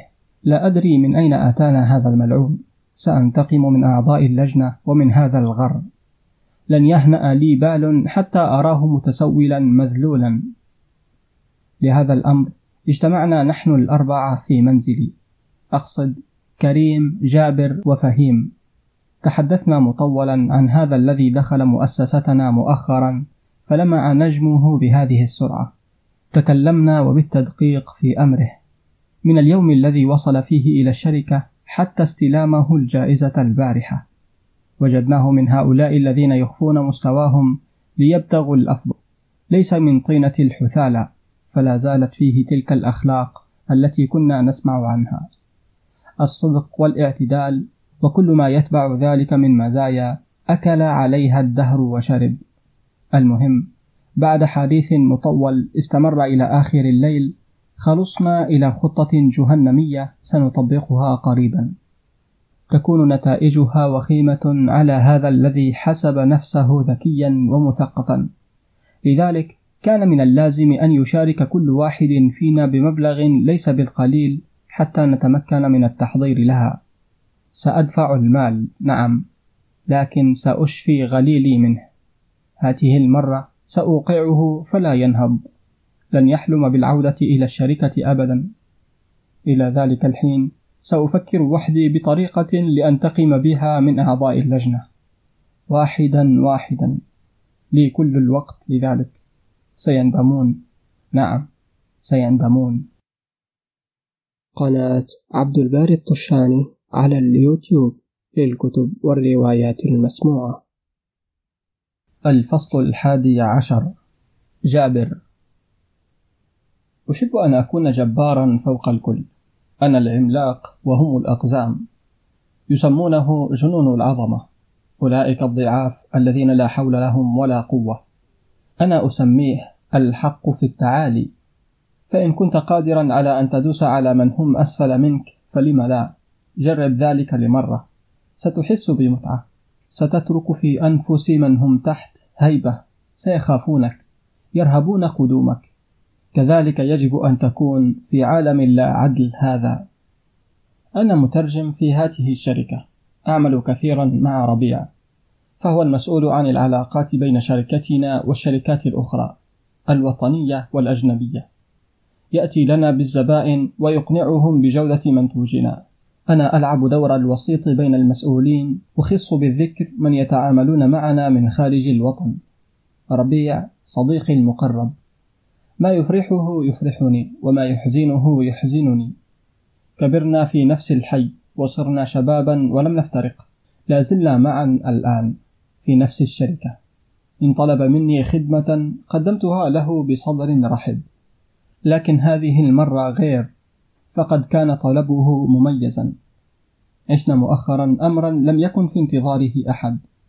أحد الأنذال الجدد ارتقى في المنصب وأخذ جائزة أفضل مخطط خماسي ولا يزال مجرد كاتب.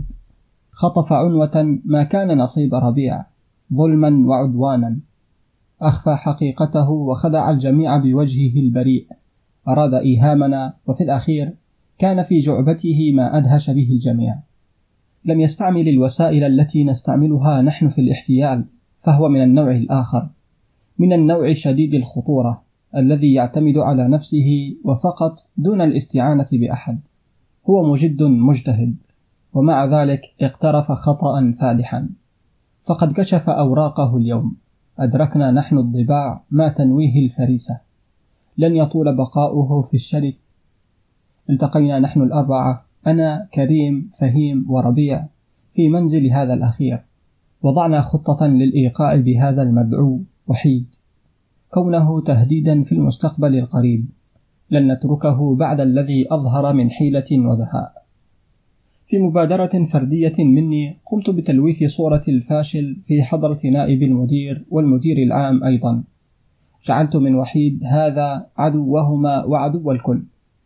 أكاذيب وروايات مختلفة تمهد للضربة القاضية. الملعون لا يعلم ماذا ينتظره.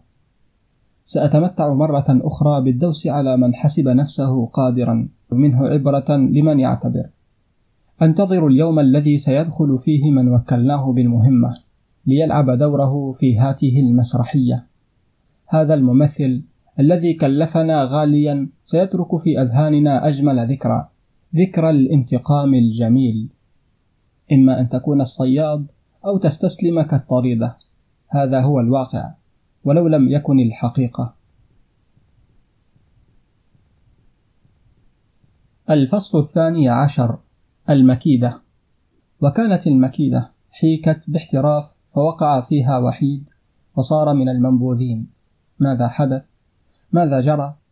كان فحوى خطة ربيع وزملائه أن يفجروا فضيحة مفتعلة ويتهموا وحيدا بها وهل توجد فضائح أكثر شهرة من الفضائح الجنسية؟ هي الأكثر استقطابا وحديثا بين العامة والخاصة.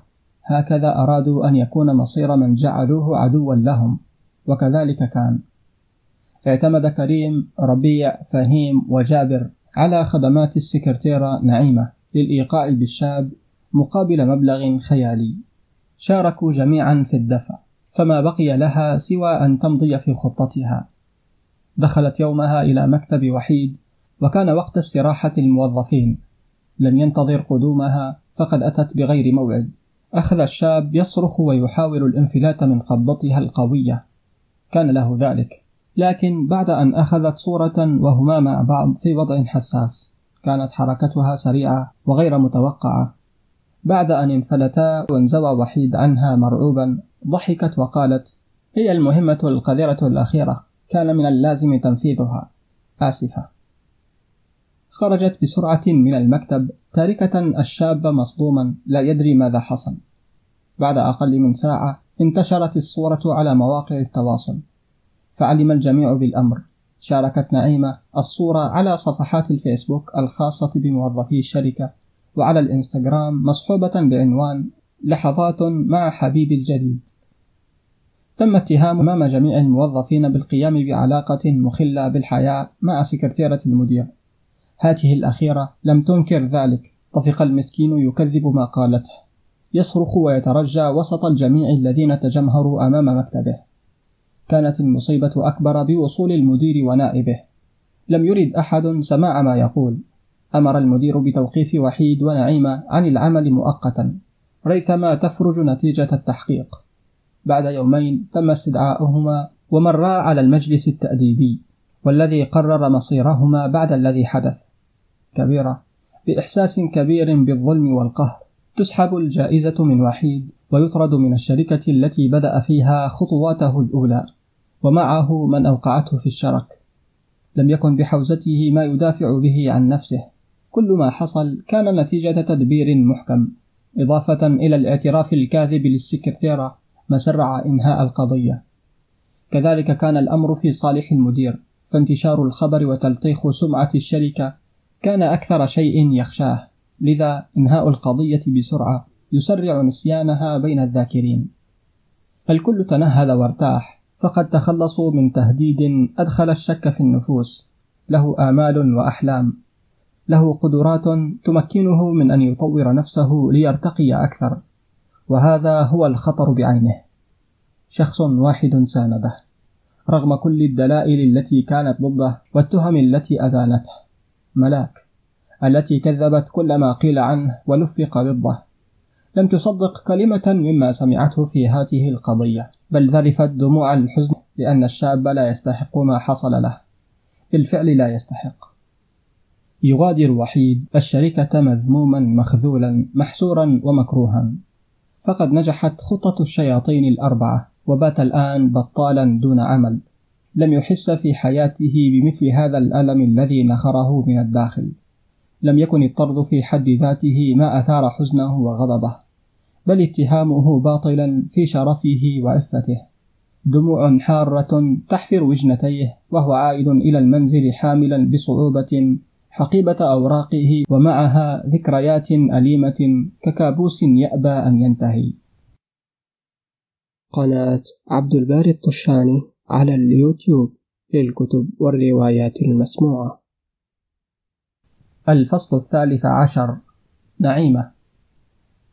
كنت بانتظاره خارج المؤسسة. لم أشأ ترك الأمور عالقة هكذا وأذهب. أردت أن أكلمه رغم ما أقدمت عليه. من جهته لن يكلمني وهذا احتمال. سأجرب حظي. لست نادمة على كل حال لكن أحسست بشعور غريب لم أستطع تفسيره. هي رغبة ملحة بمعرفة فيما يفكر خصوصا الآن.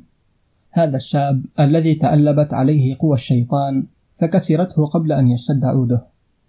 خرج لتوه من الشركة يبدو حزينا وهذا طبيعي. خطاه متثاقلة ورأسه يكاد يلامس الأرض. أسرعت نحوه دون أن يشعر بي. اتبعته حتى اقتربنا من حديقة عامة فاستوقفته. ناديته من الخلف. وحيد! ناجي وحيد. استدار ببطء أنعم النظر في وبيأس وحزن كبيرين قال بكم اشتروك هذه المرة؟ لو تعلمون شدة وقع هذه العبارة على نفسي أعلم أني منبوذة أبيع نفسي مقابل المال لكن قوله لكلمة هذه المرة آلمني بحق وكأنه أكد وأسهب شرحا بكم بعت نفسك اليوم لمن طلب, لمن طلب خدماتك القذرة. سأعيدها مرات كثيرة أخرى. متيقن هو من ذلك. قد أغلق أبواب التوبة في وجهي. هذا إن تبت وقبلت توبتي.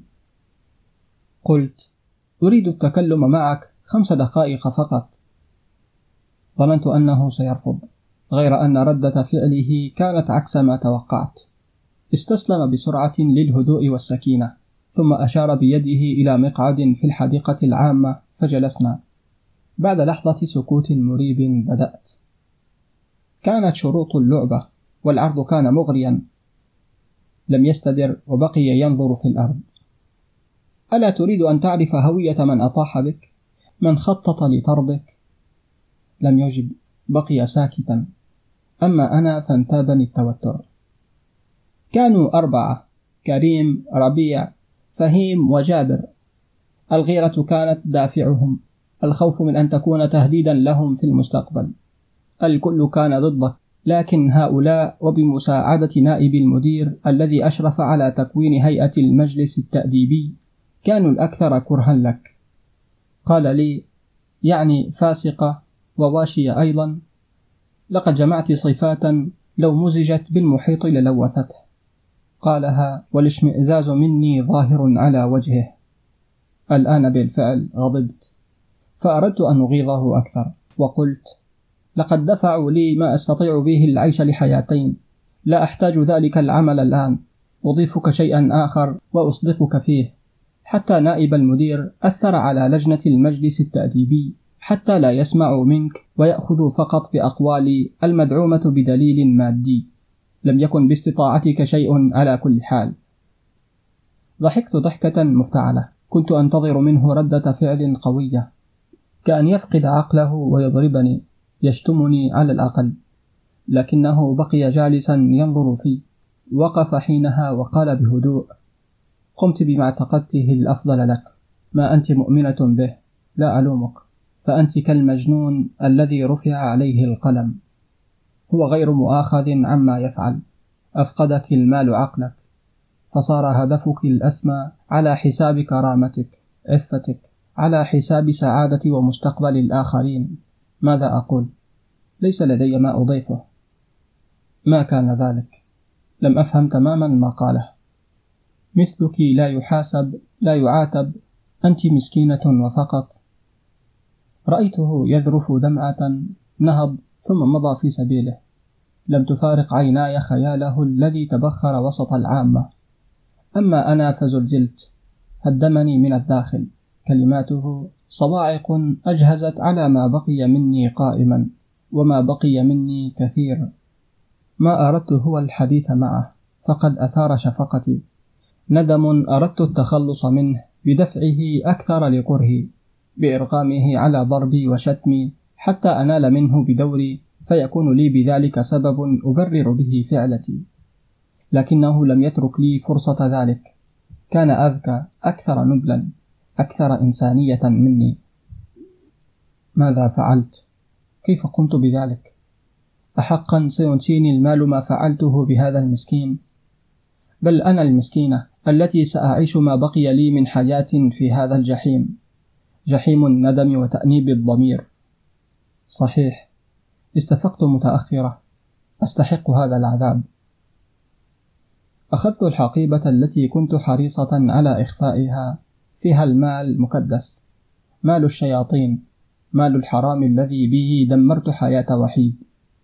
أشعر بالقرف بالاشمئزاز. درن يملأني فيغرقني من الداخل. ما كان مني سوى أن آخذ الحقيبة. وبعيدا عن الأنظار في زاوية أفرغتها في حاوية النفايات كل ما كان فيها. أخرجت القداحة التي أستعملها عادة لإشعال سجائري ألهبت بها آخر ورقة نقدية ورميتها لتنقل شعلتها لأخواتها. بسرعة أضرمت النار فانتفضت وهاجت. أما أنا وبنفس السرعة اختفيت. سأبتعد عن الكل. سأترك كل ما ملكته وكسبته هنا وأذهب. بعيدا لا أدري أين. المهم إلى مكان أراجع فيه نفسي. علني أعود كما كنت قبلا. إنسان. الفصل الرابع عشر. وحيد. يا فرحة لم تدم ويا حزنا عدت هرولة فوجدتني منتظرا مستسلما لجبروتك. حيكت المكيدة وكانت ضدي. وقعت فيها وأنا الذي حسبت نفسي للعقبات في طريقي. طيش شاب قليل الحيلة والخبرة. كنت دائما كتوما وعزمت على البقاء كذلك إلى غاية تحقيق مآربي. لكني وقعت في الفخ. تلك المسابقة كشفت أوراقي. كان شغفي كبيرا. كمية الأدرينالين التي سرت في عروقي وقتها لا توصف. شعرت بالحماس. فوضعت كل طاقتي وإمكانياتي في ذلك المشروع. كان خطأي القاتل. ذنبي الوحيد هو أني أردت الفوز بالمسابقة بجهدي بعرق جبيني. أردت من العالم أن يعرف أني قادر ومتمكن أن أكون فردا فعالا في المؤسسة هذه قادرا على المساهمة في رقيها وازدهارها. حسبت الأمور حسابا منطقيا. ونسيت للحظة أن المنطق لا وجود له في هذا الواقع. كنت كذلك الابن الذي إذا تحصل على علامة جيدة في مادة أسرع إلى أبيه ليريه إياها فيفرح الأب بها ويجازيه جزيل الجزاء على جهده المقدم. كنت على سجيتي وأخلصت النية في ذلك وقلت اليوم سأريهم ماذا يمكنني فعله. سيحترمني الجميع ويعترف بي كند لهم. لا فرق بيني وبينهم. سأثبت نفسي بإبراز قدرتي على منافستهم. سينبهرون بالتأكيد. حقيقة انبهروا لكني دفعت ثمن تسرعي وحماسي الزائد غاليا. الحسد يحيط بنا من كل جانب حتى ولو لم نشعر به. ربما مخفي لكنه موجود. ينتظر فرصة ظهوره علنا. مكيدة توقع بالمظلوم من حيث لا يدري. ما حصل لي تماما. أخطأت. نعم. وتحسرت كثيرا. تكلمت مؤخرا مع نعيمة وروت لي تفاصيل الخطة الشيطانية التي حيكت حياكة من كان في الحرفة خبيرا. لم أطل معها الكلام لأن الكلام مع أمثال من باعوا إنسانيتهم مضيعة للوقت. لكنها ذكرت أسماء الأربعة الذين تعاونوا على الإثم والعدوان ومعهم نائب المدير وبمباركة المدير ولجنة المجلس التأديبي التي لم تسمع لي يقال أن القانون لا يحمي المغفلين. لكن من لا يملك دليلا ماديا يبرئه من اتهامات باطلة يعتبر مغفلا؟ أهاته هي العدالة أوراق صور وثائق. وإن تم الحصول عليها خداعا كما حصل معي كيف في الأمر؟ عدالة البشر عدالة ظالمة. خرجت من المؤسسة باكيا اتهمت باطلا في شرفي أمام الكل ولم أستطع الدفاع عن نفسي. حسرة وحزن كبيرين ممزوجان بغضب دفين لم أطلق له العنان. وما فائدة ذلك مع الذي حصل؟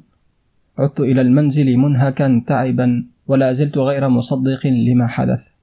وكأنه كابوس تمنيت لو كان كابوسا. كوابيس لا تدوم مهما طالت فهي إلى زوال وانتهاء.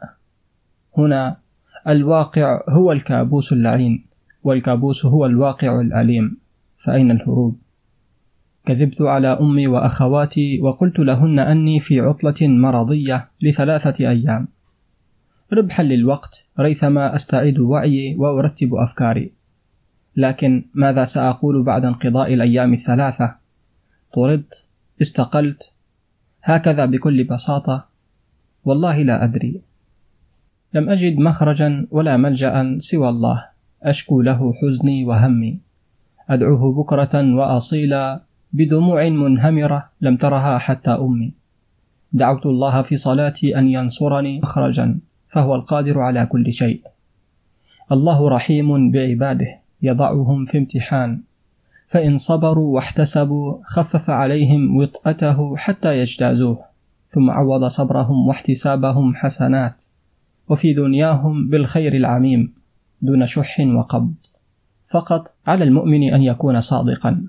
النية الصادقة تتبعها أقوالنا وأفعالنا. كذلك صبرنا على الشدائد.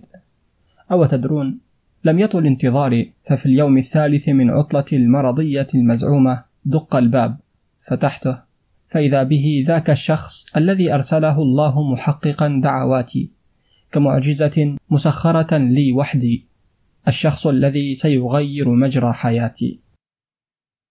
قناة عبد الباري الطشاني على اليوتيوب للكتب والروايات المسموعة. الفصل الخامس عشر. ملاك.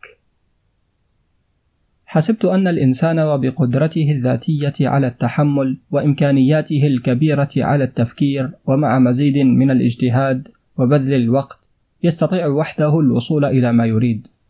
ساذج إلى أبعد الحدود. فكما أن قوى الظلم والفساد تجتمع لتضرب وتأخذ الغنيمة من فم المظلوم علينا نحن أن نجتمع ونتعاون ونبذل جميعا ومعا قصارى جهدنا لمواجهة هؤلاء. أن تواجه وحدك محن وصعاب الدنيا المتكالبة على أمر صعب تقريبا مستحيل. وحدي لم أستطع القيام بشيء سوى أني رفضت كل ما قيل كل ما سمعت. رفضت من أجله كل شيء وهو البريء لكن الشعور بالألم من أجل الغير لا يغير من الواقع شيئا. التغيير شروطه كثيرة التفكير الإحساس بقيمة ما ستنجزه وثم الفعل. الدليل الكاذب كان ضده غير أني فكرت في أمر إذا تم سيكون اليد التي تخرجه من الوحل الذي غاص فيه رغما عنه. لم يطل ذلك. ونفذت ما كان يدور في ذهني. صحيح أني واجهت صعوبة في الأول لكنني أفلحت. بما أنني مسؤولة التوظيف وكل الملفات الخاصة بالموظفين بحوزة القدامى وكذلك الجدد. بحثت عن عنوان وحيد. ونقلته قبل أن أضطر لمسح الملف نهائيا من بنك المعلومات. فقد كانت أوامر المدير مباشرة بعد قرار المجلس التأديبي الجائر حذف ملفه الإلكتروني وقبله التخلص من ملفه الورقي. في اليوم الموالي تحركت من جهتي وحضرت لأمر خططت له. وفي الثالث توجهت لبيت وحيد طرقت الباب. بعد لحظة فتح الباب.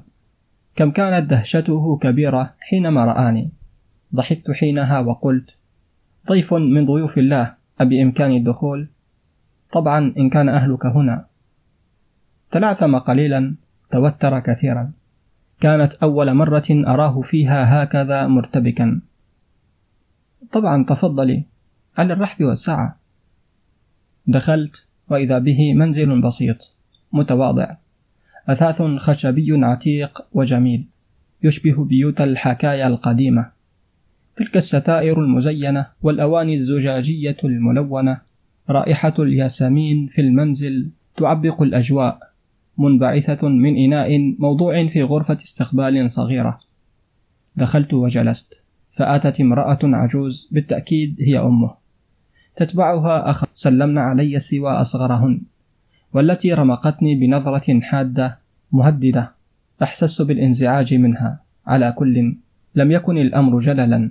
وجود فتاة غريبة بينهن هكذا دون سابق إنذار لم يزعجهن لم يسألني حتى من أكون فبادرت سريعا بالكلام حتى أوضح الأمر. أنا زميلة ناجي وحيد في العمل.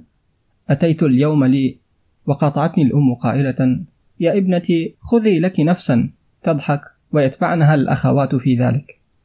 أحرجت منهن. أحسست وكأني طفلة صغيرة تجهل أصول الضيافة. سرعان ما زال هذا الشعور بقدوم وحيد. ولدهشتي لما رأيت بقيت صامتة. أتى وبيده صينية فيها كؤوس شاي ساخن يفور ومعها حلويات. وضعها على الطاولة وجلس بجانبي. نظر إلي ثم قال تفضلي. كيف هذا؟ الرجل يحضر الشاي والحلويات لامرأة وستة بنات جالسات ينتظرن قدومه. ما معنى ذلك؟ لم يطل انتظاري فقد أجابت عن تساؤلي أخته الصغرى وكأنها قرأت أفكاري. أخي أمهر محضر للشاي. حتى نحن البنات لم نستطع التفوق عليه في ذلك. أما الحلويات فمن تحضير أختي الكبرى جميلة. فهمت. حضره بنفسه لأن الضيف عندهم يستحق أفضل ما تبذله. ما شاء الله. وأكل بعض الحلويات التي جارته في اللذة. حان وقت الحقيقة. لابد وأنكم تتساءلون عن سبب مجيئي وكيف عرفت عنوان منزلكم. كل ما في الأمر هو أني أخذته من ملفه الإلكتروني في الشركة. وبما أنه وقبل أن أكمل كلامي غمز لي وحيد حتى لا أخوض في الموضوع. فهمت إشارته وأدركت أنه لم يطلع أهله على خبر طرده من المؤسسة. فأكملت قائلة وبما أنه يبحث عن فرصة أخرى تفتح له أبوابا نحو مستقبل أفضل فقد أتيته بها. ترتسم نفس الابتسامة على أوجه الأخوات إلا الصغرى والتي بقيت صامتة دون تفاعل. أما وحيد فقد رأيت وجهه وقد أشرق بأنوار الأمل دون أن يجهر بالفرحة. فسألني مستفسرا ماذا تقصدين يا آنس مكارم؟ أول مرة يناديني هكذا. مباشرة بلقبي. فأجبت. أقصد أن أبي يحتاج به لتكون سكرتيره الخاص. يده اليمنى. أمين أسرار عمله. فما ردك؟ اندهشنا جميعا ولم يصدقنا ما سمعناه للتو. كل الأنظار الآن نحو وحيد. الذي ومن شدة الصدمة لم يجد بماذا يجيب. أتوافق يا سيد ناجي؟ بقي لحظات دون حركة ينظر في. لابد وأنه يتساءل الآن. كيف يكون أبوها مالك شركة وهي تعمل في أخرى برتبة أقل؟ أحقا ما تقوله صحيح؟ هكذا مباشرة سكرتيره الخاص سكرتير المدير العام للشركة. أطال قبل أن يرد ثم أفصح أخيرا. كلمة أسمعتني الشكر والعرفان. كلمة أرتني دموع فرحة فتيات يتمنين كل الخير لأخيهن. تقبيل وعناق. دعوات خير من امرأة عجوز بكت كالطفلة الصغيرة. لم أتمالك نفسي أنا أيضا فبكيت معهن وبصوت مرتعش رددت. الخير فيما اختاره الله ما أنا إلا سبب من الأسباب. بقي وحيد واقفا مذهولا غير مصدق لما يحدث في هذه الأثناء. يحاول فهم ما يجري ويتأكد من أن هذا ليس بحلم. هذه بطاقة عمل شركة أبي. ينتظرك شخصيا غدا على الثامنة في مكتبه. لا تقلق. ستجد من يرافقك. أخذها من يدي وقبل أن ينطق بكلمة وقفت وهممت بالخروج سريعا حتى لا يسألني. كل البنات رافقنني إلى الباب داعيات لي بالخير. هذه المرة ابتسمت لي تلك الصغيرة وقالت أنت جميلة لكن أرجوك لا تسرقي منا أخي. يصمت الجميع. توترت. ومع الخطوة الموالية كدت أسقط. لولا أن أمسكتني إحدى أخواته لكنت في تلك اللحظة على الأرض. ضحكن جميعا وأنا معهن غير أن ضحكتي كانت مفتعلة. قبل خروجي نظرت فيهن وقلت بارك الله فيكم على حسن الضيافة. فعلا أنتم طيبون. لمحت خلف البنات أمه المسكينة وقد عانت للوصول إلى الباب. عودي وزورينا يا ابنتي في أي وقت تريدين فهذا بيتك ونحن أهلك. لم أشعر في حياتي بسعادة مماثلة. يا لها من كلمات طيبة من إنسان يفيض حنانا وعطفا. لم أتمالك نفسي وقفزت عليها أقبلها على رأسها. حماك الله ورعاك يا أماه بعد توديعي لهن رأيت وحيد كان خلفهن. لم يشأ أن يتقدم فقد منعه الخجل من ذلك. أشرت إليه بيدي فابتسم ورد الإشارة بالمثل. سررت لذلك أشد السرور وقلت في نفسي لست فاشلا أنت تستحق. خرجت والفرحة تغمرني ما أروع هاته التجربة شعرت وكأني فرد من عائلة وحيد. كيف سيكون لقاؤه مع أبي في الغد؟ اللهم ألهمني الصبر يا رب. قناة عبد الباري الطشاني على اليوتيوب. للكتب والروايات المسموعة. الفصل السادس عشر. توفيق. مدير شركة الغد. أتى هذا الشاب ودخل مكتبي. لو لم تكلمني عنه ابنتي لما تركته يقترب من باب الشركة.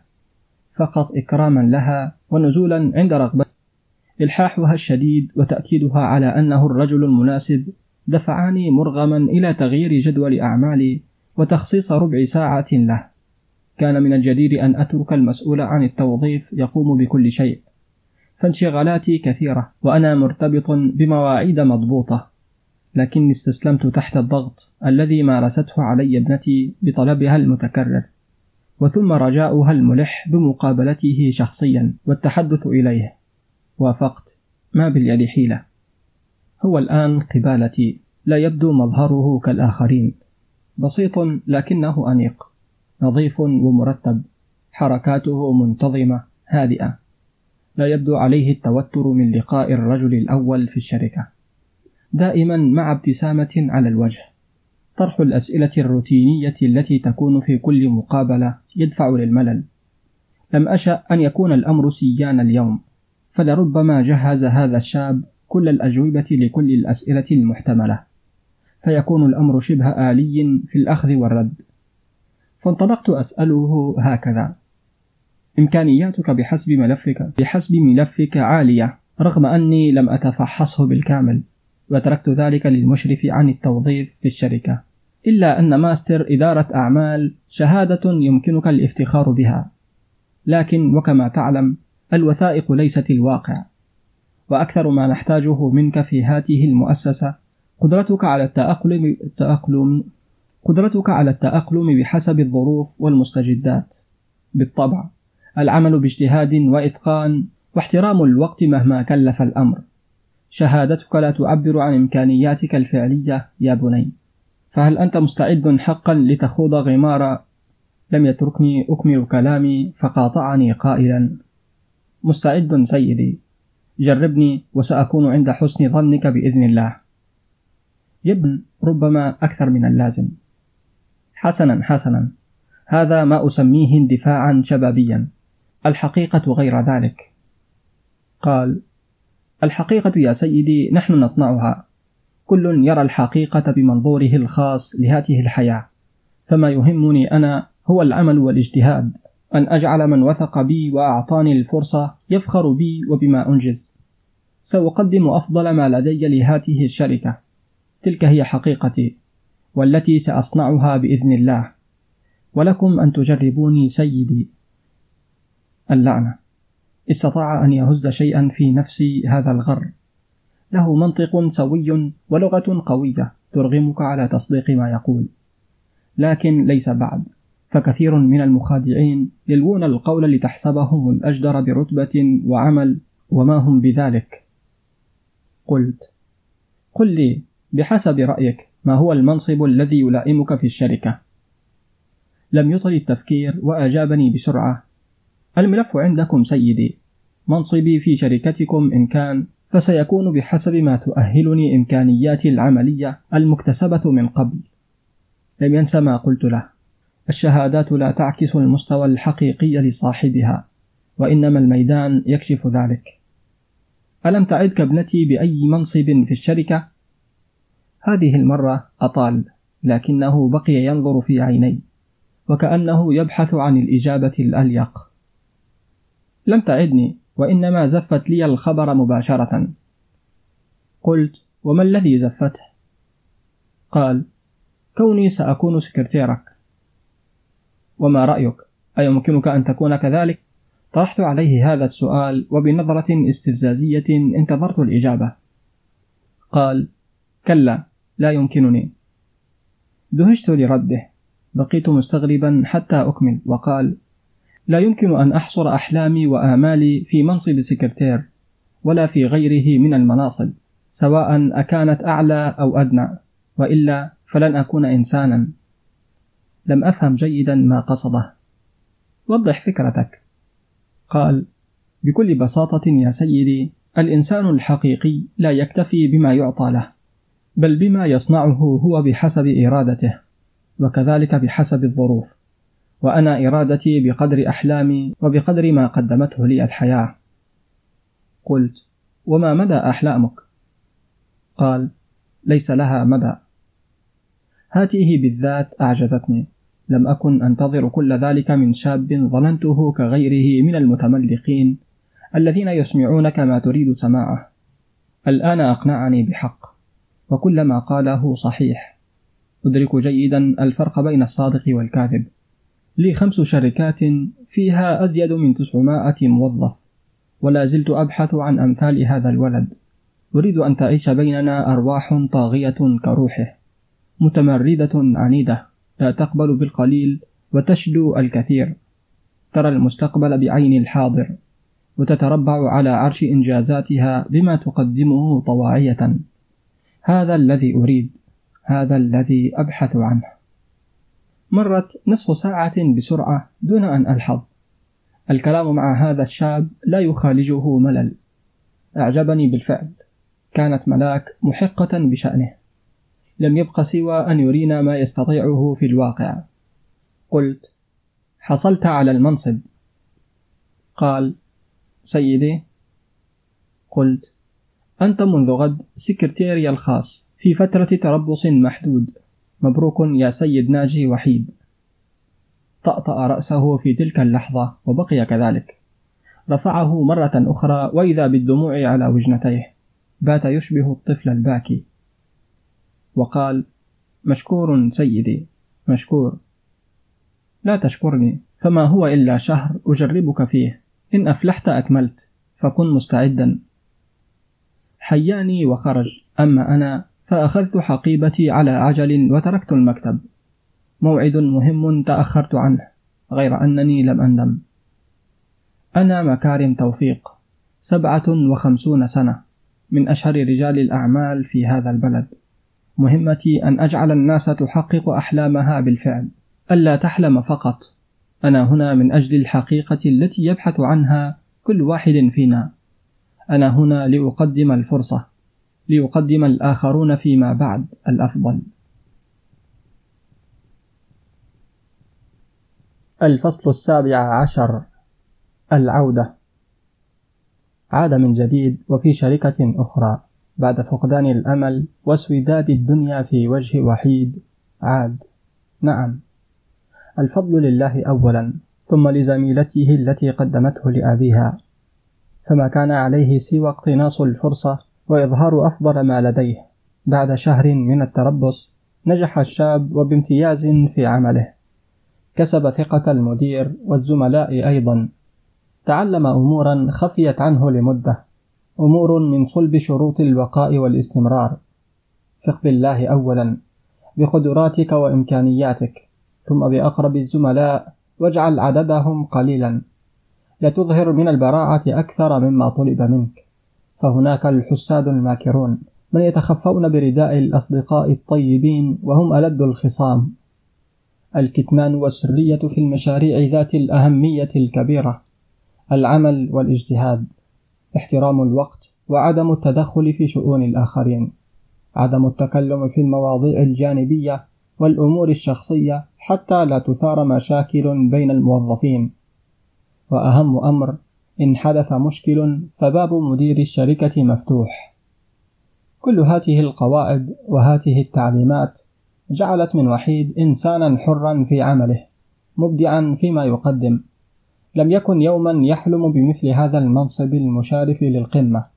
ربما رئيس مكتب أو رئيس فرع خاص لكن أن توضع فيه الثقة ليكون سكرتيرا الساعد الأيمن للمدير العام وثم يلقى التأييد والترحيب. هذا الذي لم يتخيله ولم ينتظره. تحولت حياة الشاب إلى الأفضل لأنه الآن محاط بأسرة بأناس يريدون الخير لبعضهم عكس ما عاشه وخبره فيما مضى. كذلك فضل المدير عليه كبير فعلى علمه التام بالقضية التي ورطت وحيدا في فضيحة أخلاقية كاذبة لم يتسرع ولم يرفضه.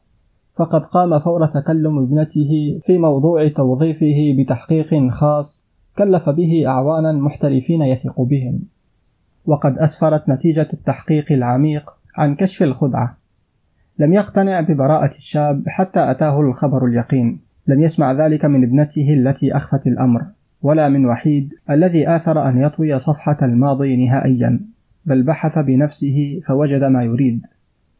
كلكم راع وكل راع مسؤول عن رعيته. تحسنت الظروف الاجتماعية للشاب في شركة الغد فبعد مرور سنة تزوجت أختاه وغير المسكن إلى آخر أفضل. أرسل أمه إلى العمرة وبدأ بوضع أنصبة من المال جانبا. في الجانب الآخر بقيت ملاك في شركة Pro Work وآثرت أن تقاوم كل الظروف والصعاب حتى انتهاء فترة تربصها هناك. دائما كتومة ودون أن يشعر بحقيقتها أحد. تشق طريقها المحفوف بالمخاطر إلى المحطة الأخيرة.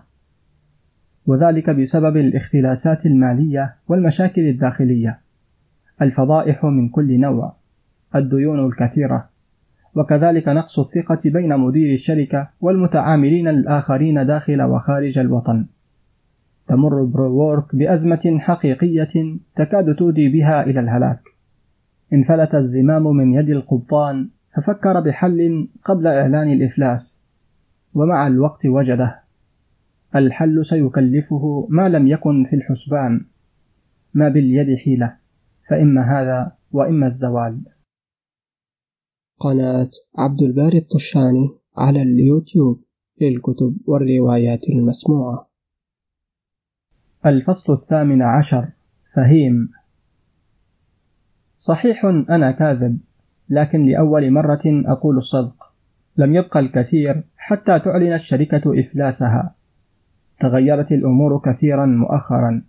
لم يعد باستطاعتنا اغتنام الفرص واختلاس نسب من الأرباح كما كنا نفعل. أصابنا تقشف حاد سببه كثرة الفوضى والخلافات.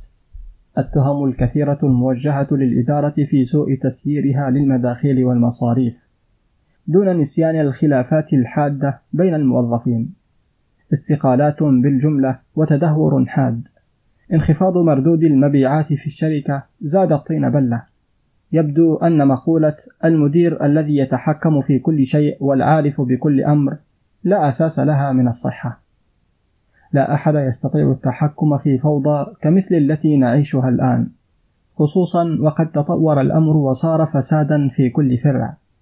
الكل يبحث عن المال المزيد منه بأية طريقة ولو على حساب الآخرين كما حدث مع ذلك الشاب الذي لفقنا له التهمة.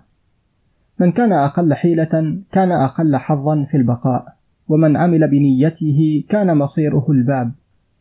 كل شيء كان على ما يرام.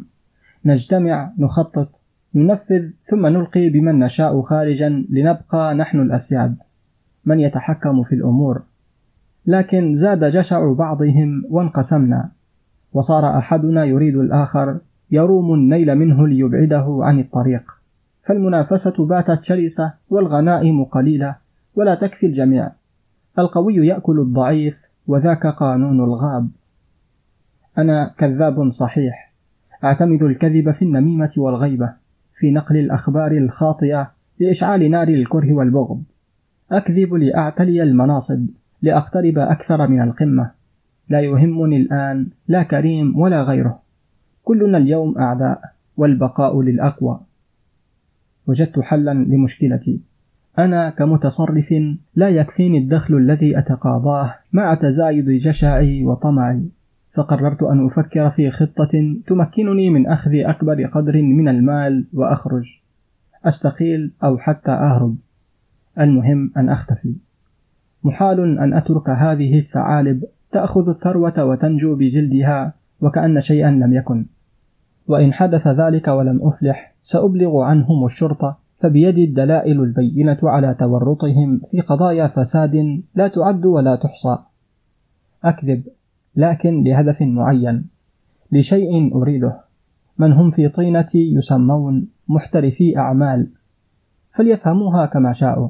ومن يروم تقصي المعنى الحقيقي لما قلت فليعد إلى واقعه العفن ولينظر. سيجد جوابه. أنا فاسد ولا أرجو توبة من فسادي. كون ما أتعاطاه الآن هو أكبر وأصعب من أن أفارقه أو أبتعد عنه. المال هو روحي وكل حياتي ومن جادلني فيه أقيم عليه الحرب. هكذا أنا وسأبقى إلى آخر لحظة في حياتي. فلا داع للدهشة. هناك منا الكثير أكثر مما يتوقع. نحن في كل مكان وفي كل زمان.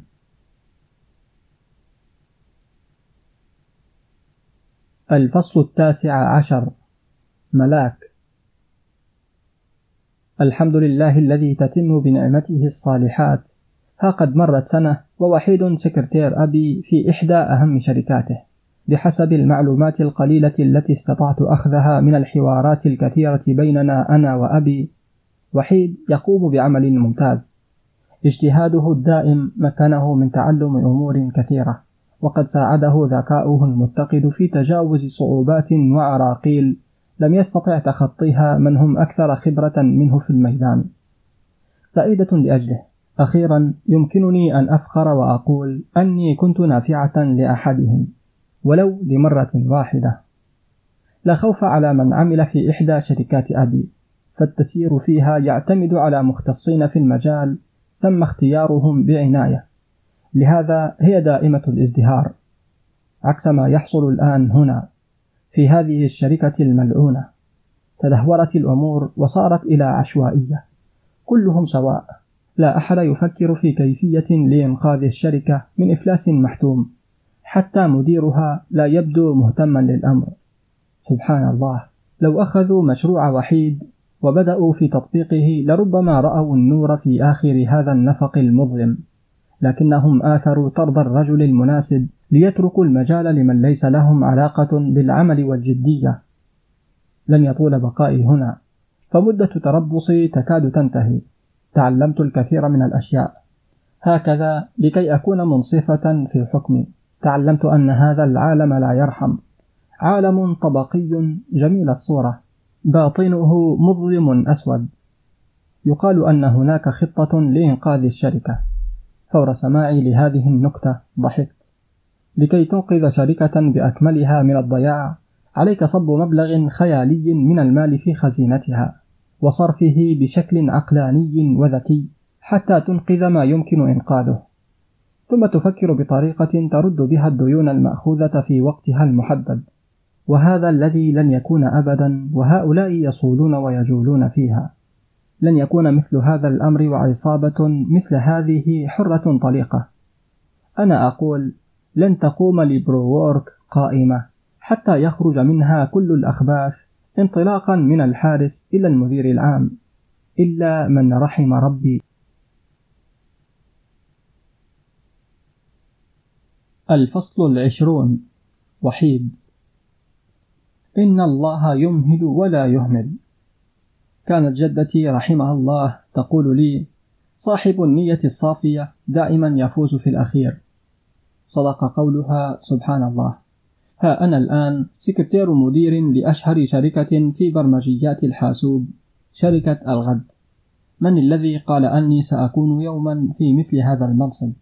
في الحقيقة كان هدفي الأسمى أن أصير رئيس مكتب في أي مجال من مجالات إدارة الأعمال. وقد تجاوز واقعي الآن حلم البارحة. كذلك لأتيقن أن الدنيا دنيا مفاجآت. علم الله أكبر من علمنا نحن الضعفاء المستعجلون. في اللغة العربية يطلق المضاد على كلمة تكون عكس التي بين يديك في مدلولها. كذلك هذه الشركة التي أعمل فيها الآن هي مضاد السابقة وجدت فيها العون والتشجيع من أول يوم. لم أواجه معارضة أو استغرابا. لم أجد حسدا ولا كرها. كنت الأقل تجربة ولا زلت. ورغم ذلك ألقى الاحترام والتقدير ممن هم أكثر مني تجربة وهم في مناصب أدنى في الشركة. نعم وصلت بطريقة لم أنتظرها إلى منصب سكرتير. لكن لو لم أكن جديرا لما وصلت. فسياسة الشركة واضحة. كل يأخذ ما يستحق بكفاءاته فقط. أنا مسرور سعيد بما قدرني الله أن أصل إليه. الحمد لله رب العالمين. حياتي كلها تغيرت بفضل الله أولا وتدخل الآنسة مكارم ملاك في الوقت المناسب. فلولاها لكنت الآن في الشارع. يقال أن شركة Pro Work تواجه مشاكل مالية حادة ربما تؤدي بها إلى الإفلاس ومن ثم تسريح موظفيها. هكذا يقال. أما أنا فأقول هذه دعواتي ودعوات كل مظلوم استجاب لها الله. فأغرق سفينة المفسدين بمن عليها في بحر العدالة الإلهية. أنتظر بشوق نهاية الطغاة كيف ستكون. كريم جابر فهيم ربيع نعيمة المدير ونائبه وغيرهم كثير. أتحرق لأعرف كيف سينتهي أمرهم. الفصل الواحد والعشرون. مالك. لم أجد حلا آخر غير هذا. لم أجد غيره. كلما وفرته من إمكانيات وأعوان لم يكن كافيا لجعل هؤلاء العبيد تبعا كما اعتقدت. الأعين التي نشرتها بين الموظفين تم شراؤها بالمال. لا أدري من تفطن لذلك لكنه قدم عرضا أفضل من عرضي وقام بشراء صمتهم بالتأكيد. مصدر المعلومات المؤكد لم يعد في الخدمة. قد مالوا مع المال. لا مجال للشك. خانوني دون أن أعرف الرأس المدبر. بت وحيدا لا أدري كيف أخرج من الورطة التي وقعت فيها. الشركة تفقد مصداقيتها. العديد من المتعاملين والشركاء انسحبوا بسبب الفضائح المتكررة. لم أستطع التحكم في كل هذه المشاكل رغم التجربة الطويلة في المجال إلا أن الفساد كان أكبر من كل محاولة تعديل. اتسع الخرق على الراقع كما يقال. ففكرت بوسيلة تنجيني وتنجي من بقي في هذه الشركة قبل أن أبدأ عملية تصفية شاملة لكل فاسد جشع. نظرا للحالة المزرية التي وصلنا إليها. عرضت على شركات كبرى بيع ستين بالمائة من أسهمها. جعلت العرض مغريا حتى يقبل فورا ودون شروط. لم أجد حلا. فالكل رفض التعامل معنا بنسبة أرباح أقل. عله يكون المخرج رغم الخسارة. ما بالشركة في إطار التعاون الثنائي ولو أن حصتي ضئيلة. يبدو أني أخطأت في كيفية تسييري للأمور وحسبت حسابا ناقصا. وضعت خططا لا تسمن ولا تغني من جوع. لم يكن لما قمت به نتيجة ملموسة. أظنني فشلت. أشعر كمن يشعر بالخيانة من أقرب الأقربين. خدعوني. لكن لن أترك لهؤلاء الضباع فرصة أخرى. أقسم. قناة عبد الباري الطشاني. على اليوتيوب للكتب والروايات المسموعة. الفصل الثاني والعشرون. توفيق.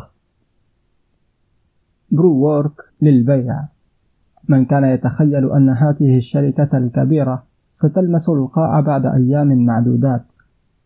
اليوم تأكدت من أمر مهم هو أنه لولا التسيير الكارثي وكثرة الفساد والمفسدين في الشركة لما تحتم عليهم وضع أسهمها للبيع. ومع السمعة السيئة التي تتميز بها لن يتقدم الكثيرون لشراء الأسهم ولو بلغ حق التملك ستين بالمائة. الشراكة هنا طريق محفوف بشوك الفساد فمن يقبل بضم شركة كهذه إلى شركته. حتى بضمانات بتسهيلات بحوافز. لا أظن أن أحدا سيخاطر بتوحيد مثل هذا وشركة Pro Work على حافة الإفلاس. هذا قول إنسان يستنتج العواقب دون كثير تفكير. وما هو في الواقع لا يحتاج إلى دراسة كبيرة بحسب رأي أي مفكر. الابتعاد عن مثل هذه الصفقات والبحث عن غيرها هو الرأي الأسلم الأضمن الأكثر منطقية. لكن ما أراه أنا لا يراه معظمهم وما أبحث عنه لا يرمه أناس عاديون. الفشل الناتج عن سوء التسيير سببه الأول السوء في اختيار الرجل المناسب حتى ولو توفرت أموال وإمكانيات ضخمة مع طاقة بشرية غير كافية عاجزة أو فاسدة سيكون مآل كل مشروع إلى خسران. الاستثمار في الروح في الإنسان في الطاقة الإيجابية فيه هو ما يجعل كل مشروع ناجح. أما بقية الأمور فتتبع ما كان صالحا بشكل آلي ليعم الصلاح في المنتج وما أنتجه. سأشتري أسهم هذه الشركة وأضمها إلى الغد. ستون بالمائة لنا سأضيف شروطا أخرى. سأجعل أكبر عدد من موظفي يقودون هذه الشركة إلى التعافي من الأمراض التي أصابتها. سأضغط على السيد صفوان مالك حتى يقبل بشروطي وسيقبل فلا مفر. ساورتني فكرة اللحظة فكرة مجنونة. سأقوم بأمر لم يجرؤ عليه أحد فيه مخاطرة. سيظن البعض أنه تسرع مني. غير أن الأمناء يفوزون بالثقة رغم الشك ويستحقون فرصا كهذه بالتأكيد. أتعلمون عمن أتحدث؟ نعم هو.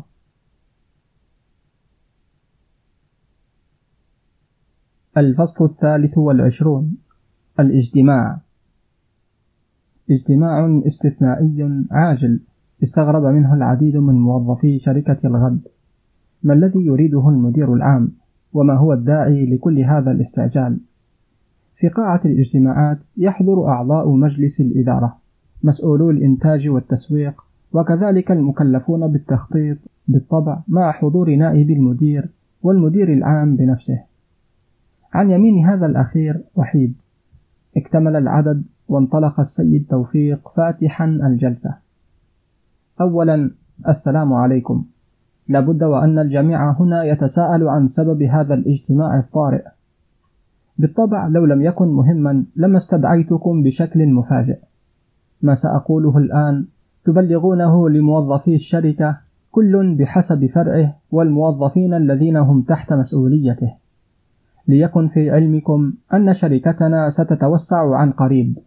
فقد قررت شراء أسهم شركة أخرى على مشارف الإفلاس في إطار الإدماج المؤسسات عن تراض بين الطرفين.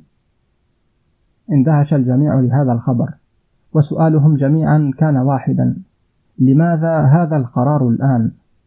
التقيت منذ يومين برئيس شركة Pro Work واتفقنا على إدماج شركته بشركتنا هذه.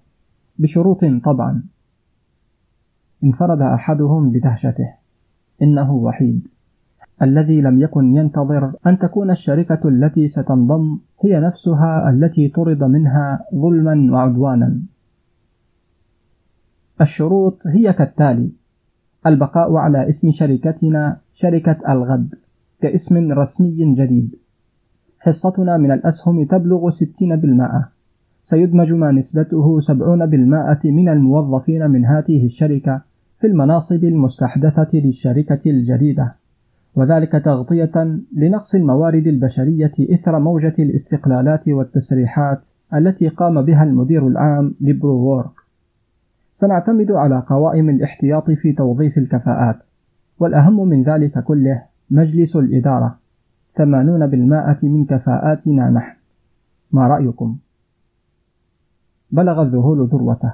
لم يصدقوا ما سمعوه توا. تلك غنيمة على صينية من ذهب اقتنصها المدير اقتناصا. صحيح أني أخذت مبادرة شخصية دون الرجوع إلى أعضاء مجلس الإدارة وما ذلك إلا خوفا من ضياع الفرصة وربحا للوقت. وليس أبدا تجاوزا لصلاحياتكم أو تقليلا من احترامكم. فإن كنتم رافضين للفكرة فلن يكون ما ذكرت. وسأنزل عند رأيكم بإذن الله. فماذا تقولون؟ بعد ثوان قليلة تقرأ في وجوه الحاضرين فرحة كبيرة. يقف الجميع مصفقين للخبر الذي سمعوه. تتعالى في القاعة هتافات كالتي في الملاعب. الفوز لنا الفوز لنا. نحن الأفضل. يحيى الغد يحيى الغد. بقي وحيد جالسا في مكانه غير مصدق لما يسمع. كالصنم جامد في مكانه.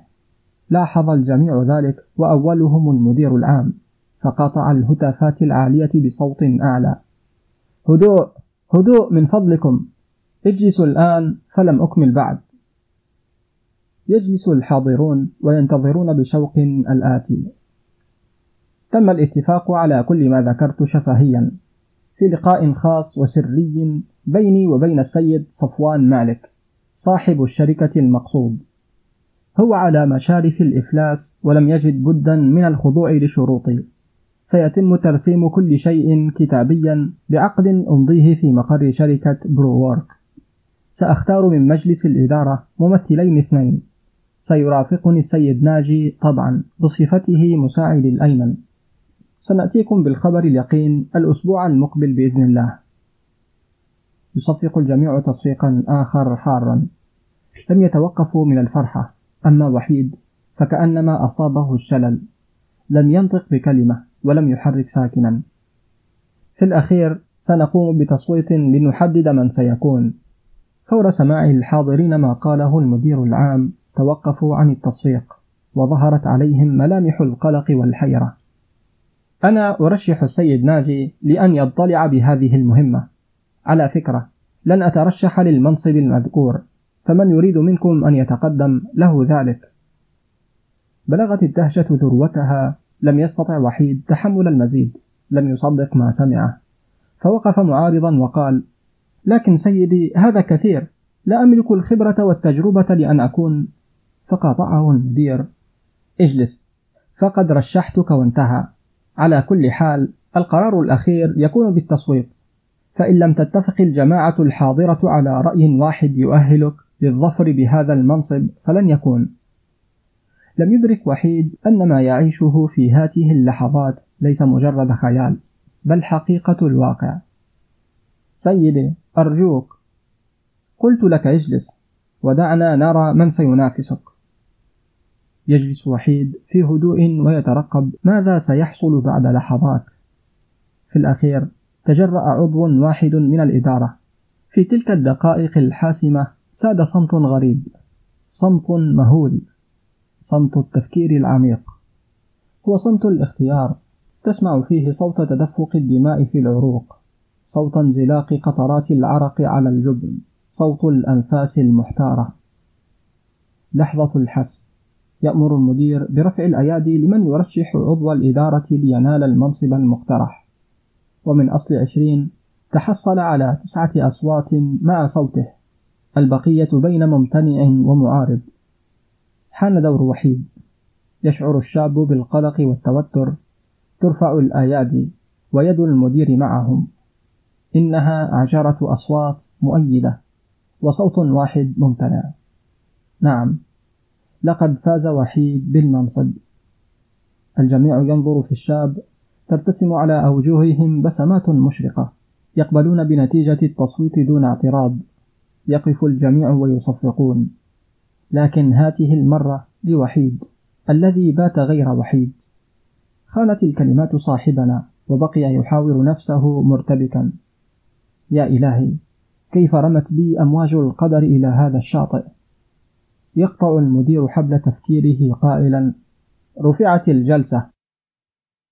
قناة عبد الباري الطشاني على اليوتيوب للكتب والروايات المسموعة.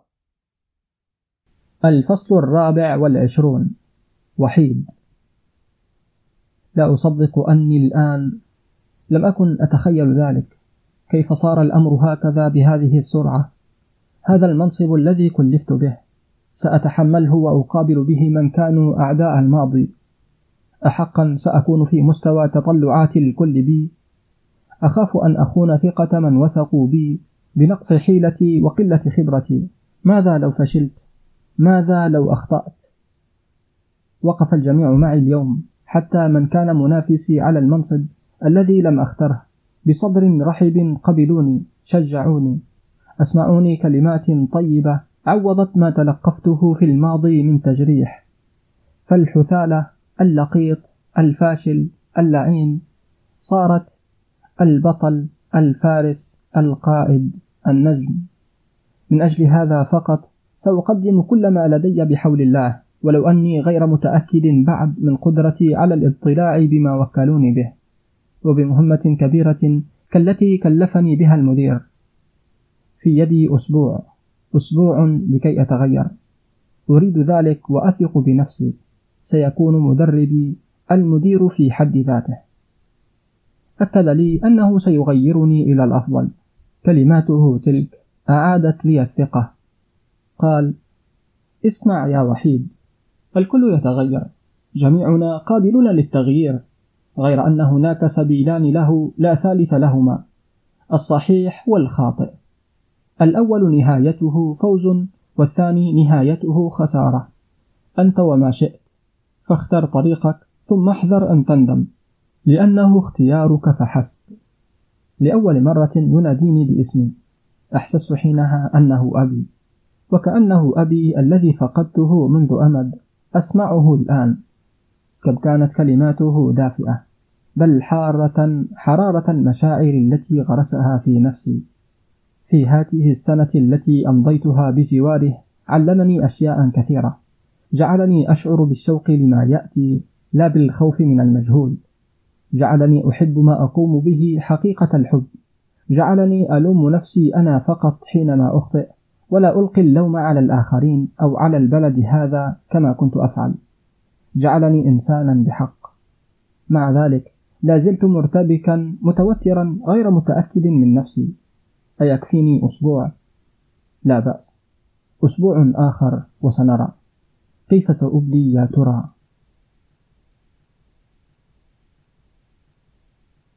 الفصل الخامس والعشرون. ملاك. أن يصل أحدهم إلى هذا المنصب ليس بالأمر السهل بل يكاد يكون مستحيلا لكنه فعلها. ولو جرت الأمور فجأة ودون انتظار إلا أنها نتيجة اجتهاد وصبر. من زرع حصد بحق. لم يعد يدهشني أمر ترقيته في المناصب لأنه أهل لذلك. ولو لم يكن يستحق لما وصل. سيأتي رفقة أبي وبعض أعضاء الإدارة لإمضاء عقد دمج بروورك في شركة الغد نهاية هذا الأسبوع. فرحت فرحا لا يوصف. أخيرا سنرى النور بعد سوء تسيير وفساد في كل ركن من أركان هذه الشركة. حاليا يدرب أبي وحيد على أمور أجهلها. سألته مرارا عما يفعله مع الشاب فلا يرد. وهذه أول مرة يخفي فيها أبي أمورا عني. بل ما زاد دهشتي وحيرتي أنه صار يدعوه إلى البيت ويبقى معه الساعات الطوال حتى المغرب وربما زاد حتى العشاء. أمر يدعو للتساؤل. ماذا يفعلان مع بعض في هذا الوقت كله ولثلاثة أيام متتالية؟ صرت أتفادى ملاقاته في بيتنا. أسرع إلى غرفتي بعد أن أسترق السمع من خلف الجدار. فمرة أسمع أبي يقول هكذا يكون الأمر.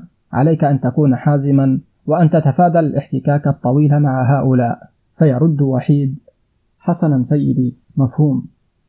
ومرة سمعت وحيدا يسأل أبي كيف أتجاوز هذا؟ وهل هو الوقت المناسب لذلك؟ فيرد أبي نعم الوقت دائما مناسب لقلب الطاولة ما دمت مستعدا. المرة الأخيرة التي رأيتهما يتحدثان فيها سأل أبي وحيدا عن جاهزيته. أمستعد للمواجهة؟ فيرد وحيد بثقة لم أعهدها عنه من قبل وبصوت جهوري قوي لم أسمعه قبل اللحظة. بل قل أأنت مستعد للفوز؟ إجابتي مستعد. يضحك أبي ضحكا عاليا ويربت على كتف وحيد الجالس بجانبه. يبتسم هذا الأخير ابتسامة الواثق من نفسه. رأيتهما دون أن يرياني فقد اجتهدت في التخفي. واكتشفت أنهما يحضران لمفاجأة لم تخطر ببال. أعود كل مرة إلى غرفتي داعية الله أن يوفقهما لما فيه خير للكل. منتظرة اليوم الموعود بشوق كبير.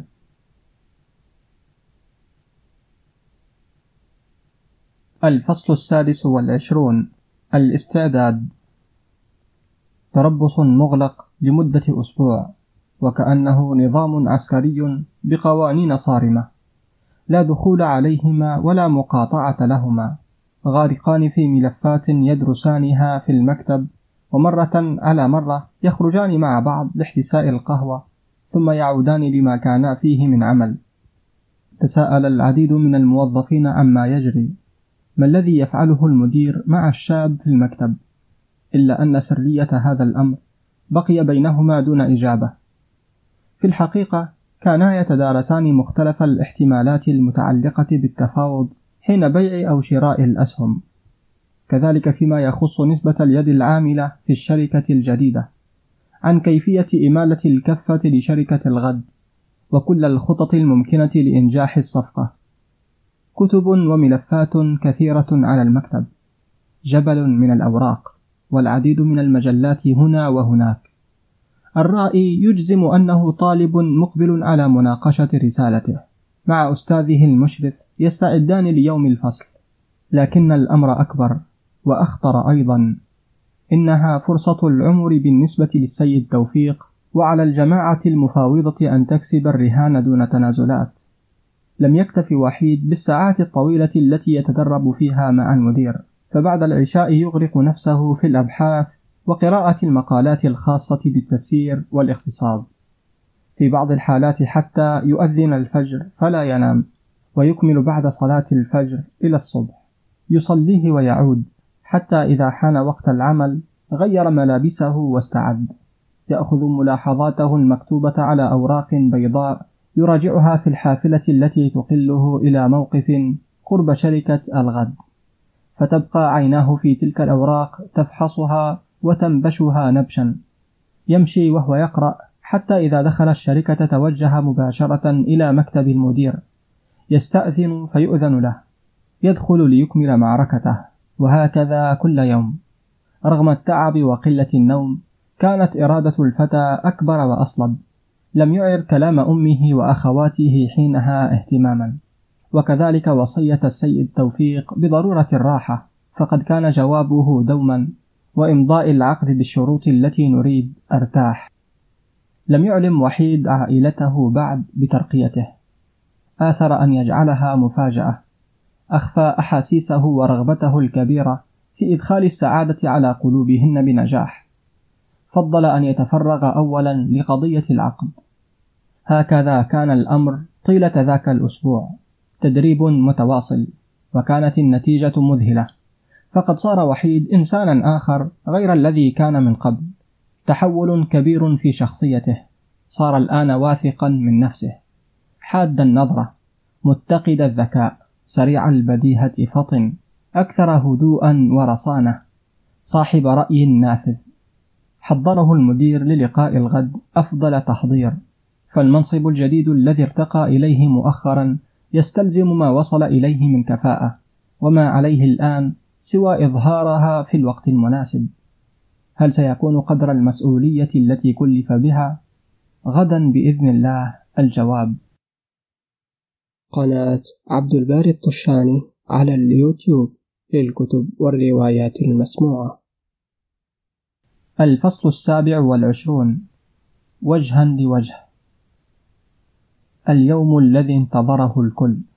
يوم المواجهة. ولأنه يوم خاص اتجه السيد توفيق رفقة وحيد وممثلين عن الإدارة في سيارة سوداء خاصة إلى مقر شركة بروورك يخرج أربعتهم متجهين إلى الباب. عن اليمين والشمال أعوان أمن بلباس كلاسيكي ونظارات شمسية سوداء. يفتح الباب أحد الأعوان فيدخلون. وأول ما دخلوا ألقيت عليهم التحايا من كل جانب من طرف موظفي الشركة. كان المدير العام لشركة بروورك السيد صفوان مالك في الاستقبال رفقة مستشارته الجديدة ما إن رأى وحيدا بجانب توفيق حتى تصلب مكانه ولم يستطع النطق بكلمة. الدهشة عقدت لسانه. ماذا يا سيد مالك؟ ألن تحيينا كما هي عادة الكرام؟ أحرج توفيق مالكا فصافحهم ويده ترتعش خصوصا حينما صافح وحيد. يبتسم هذا الأخير ويقول مرة أخرى نلتقي كم هي صغيرة الدنيا كالصاعقة نزلت هذه الكلمات على نفس مالك نزع يده سريعا من يده ثم استدار وأكمل طريقه لم يكن يتخيل أنه سيلتقي مرة أخرى بموظف طرده من شركته طفق يسأل نفسه دون توقف كيف هذا؟ أهو أحد أعضاء اللجنة المفاوضة؟ ما الذي يحصل بالضبط؟ يمشي أعضاء اللجنة في ردهة الشركة فيتذكر وحيد الأيام العصيبة التي مرت عليه. يقلب بصره في أنحائها وينظر إلى بعض عاملي النظافة الذين يعملون دون أن ينتبهوا لهم. فيترك وحيد الجماعة ويذهب إليهم ليحييهم فيقول السلام عليكم ورحمة الله تعالى وبركاته. كان الله في عونكم إخوتي. فيرد عليه بعض المنظفين والدهشة تغمرهم. وعليكم السلام ورحمة الله وبركاته. بارك الله فيك أخي. لم تفارقه أنظارهم حتى توارى عنهم. فيسأل مالك توفيقا مستهزئا ماذا يفعل مساعدك؟ أيريد أن ينضم إليهم؟ يضحك ساخرا لكن سرعان ما توقف بعد أن سمع رد توفيق. ليس مساعدي. وكذلك يفعل لأنه إنسان. التعالي ليس من شيمه. أفحمه برده. يتجهون الآن نحو قاعة الاجتماعات. في موكب يمرون على مختلف المكاتب. الآن وبالذات على مكتب مسؤولة التوظيف. الآنسة مكارم ملاك. تجاهلها أبوها رغم علمه بمكان مكتبها. لكن وحيد لم يستطع.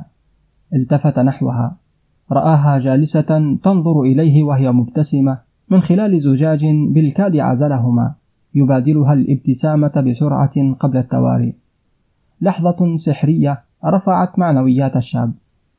بعد وصول الجماعة إلى قاعة الاجتماعات يأخذ كل مكانه لتبدأ عملية توقيع عقد الإدماج سريعا ودون انتظار. تمر السكرتيرة عليهم واحدا واحدا لتعطي كل حاضر نسخة من العقد ليشرع الجميع في المراجعة. بسرعة يكمل وحيد قراءة العقد. يضعه على الطاولة وينتظر الباقين. يحتار فيه الحاضرون. بعد لحظات يكمل الكل. فينطلق مالك قائلا الآن وبعد مراجعة كل بنود العقد يمكننا أن فيقاطعه وحيد. سؤال يا سيد صفوان مستشارتك أنثى؟ السكرتيرة أنثى وتقريبا كل موظفيك إناث ما سر ذلك؟ شعر مالك بالغضب فقد تم إحراجه أمام الجميع بجرأته. فرد على هذا الاستفزاز قائلا يا سيد توفيق مستشارك يقلل من احترامي. من فضلك كن صارما مع موظفيك وعلمهم معنى أن تكون ضيفا مدعوا. ينظر توفيق إلى وحيد ثم في مالك ويقول أخطأت للمرة الثانية. ليس مستشاري. لم يفهم جيدا ما قاله. فسأل مالك رفيقا إذا من يكون؟ بصوت هادئ يرد. هو المدير العام الجديد لشركة الغد. وكأنه طوفان زلزال إعصار. لم يصدق السامعون من شركة بروورك ما التقطته آذانهم الآن. كل واحد ينظر في الآخر. مندهشين مستغربين. يضحك مالك. يظنها دعابة ليس وقت النكات يا سيد توفيق. ليست نكتة بل هي الحقيقة. تنازلت عن الشركة لصالح السيد ناجي وحيد الحاضر هنا. هو الآن المالك الوحيد الشرعي لشركة الغد. لن يكون هناك اتفاق إلا بإمضائه هو. أما أنا فمجرد مستشار. الطامة الكبرى حلت على مالك اختلطت الأمور عليه فلم يجد الكلمات التي يعبر بها عن دهشته وذهوله. يبتسم وحيد لحظتها ويقول متشوق لأعمل معكم ولأني على دراية كاملة ببنود وشروط توحيد الشركتين فلا داع لأن تخوض في الأمر أكثر. ذلك مضيعة للوقت ومجلبة للملل.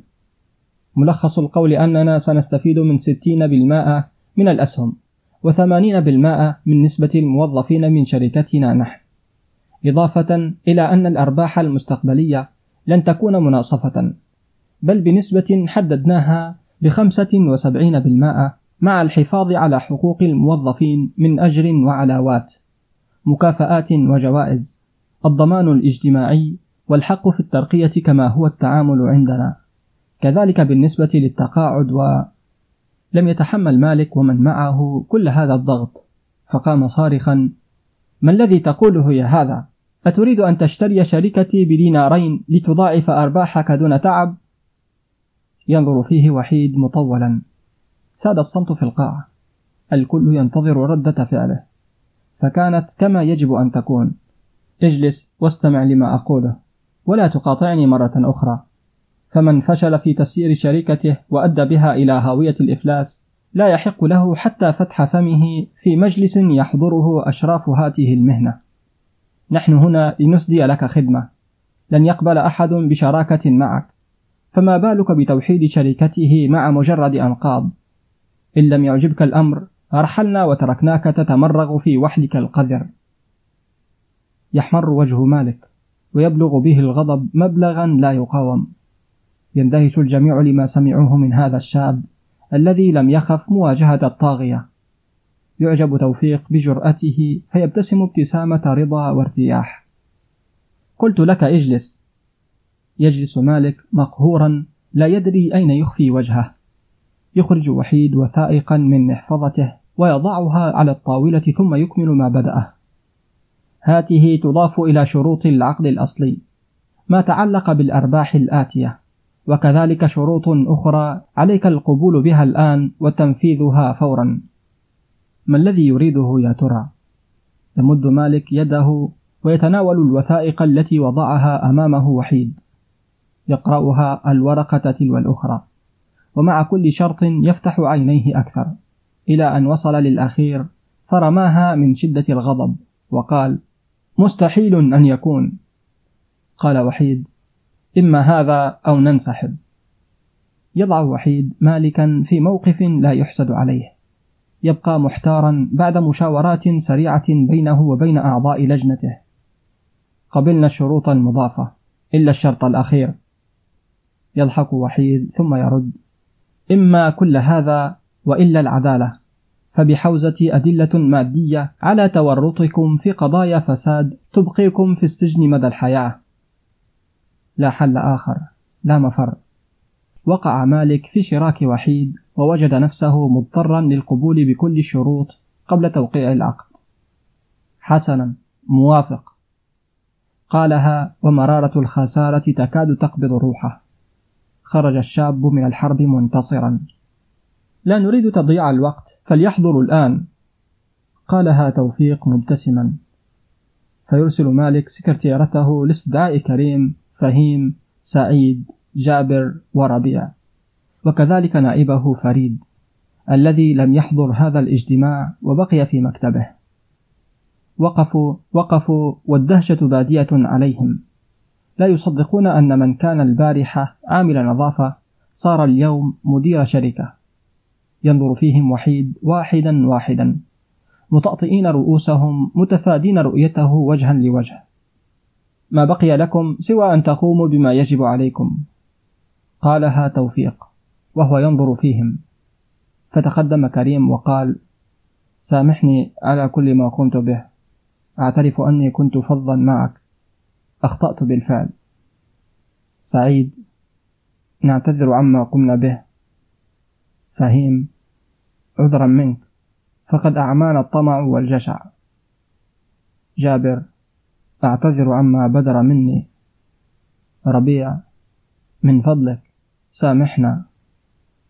يتقدم فريد ليقدم اعتذاره هو أيضا لكن هم نعم تمكنوا من الإيقاع بي بتلفيق تهمة باطلة.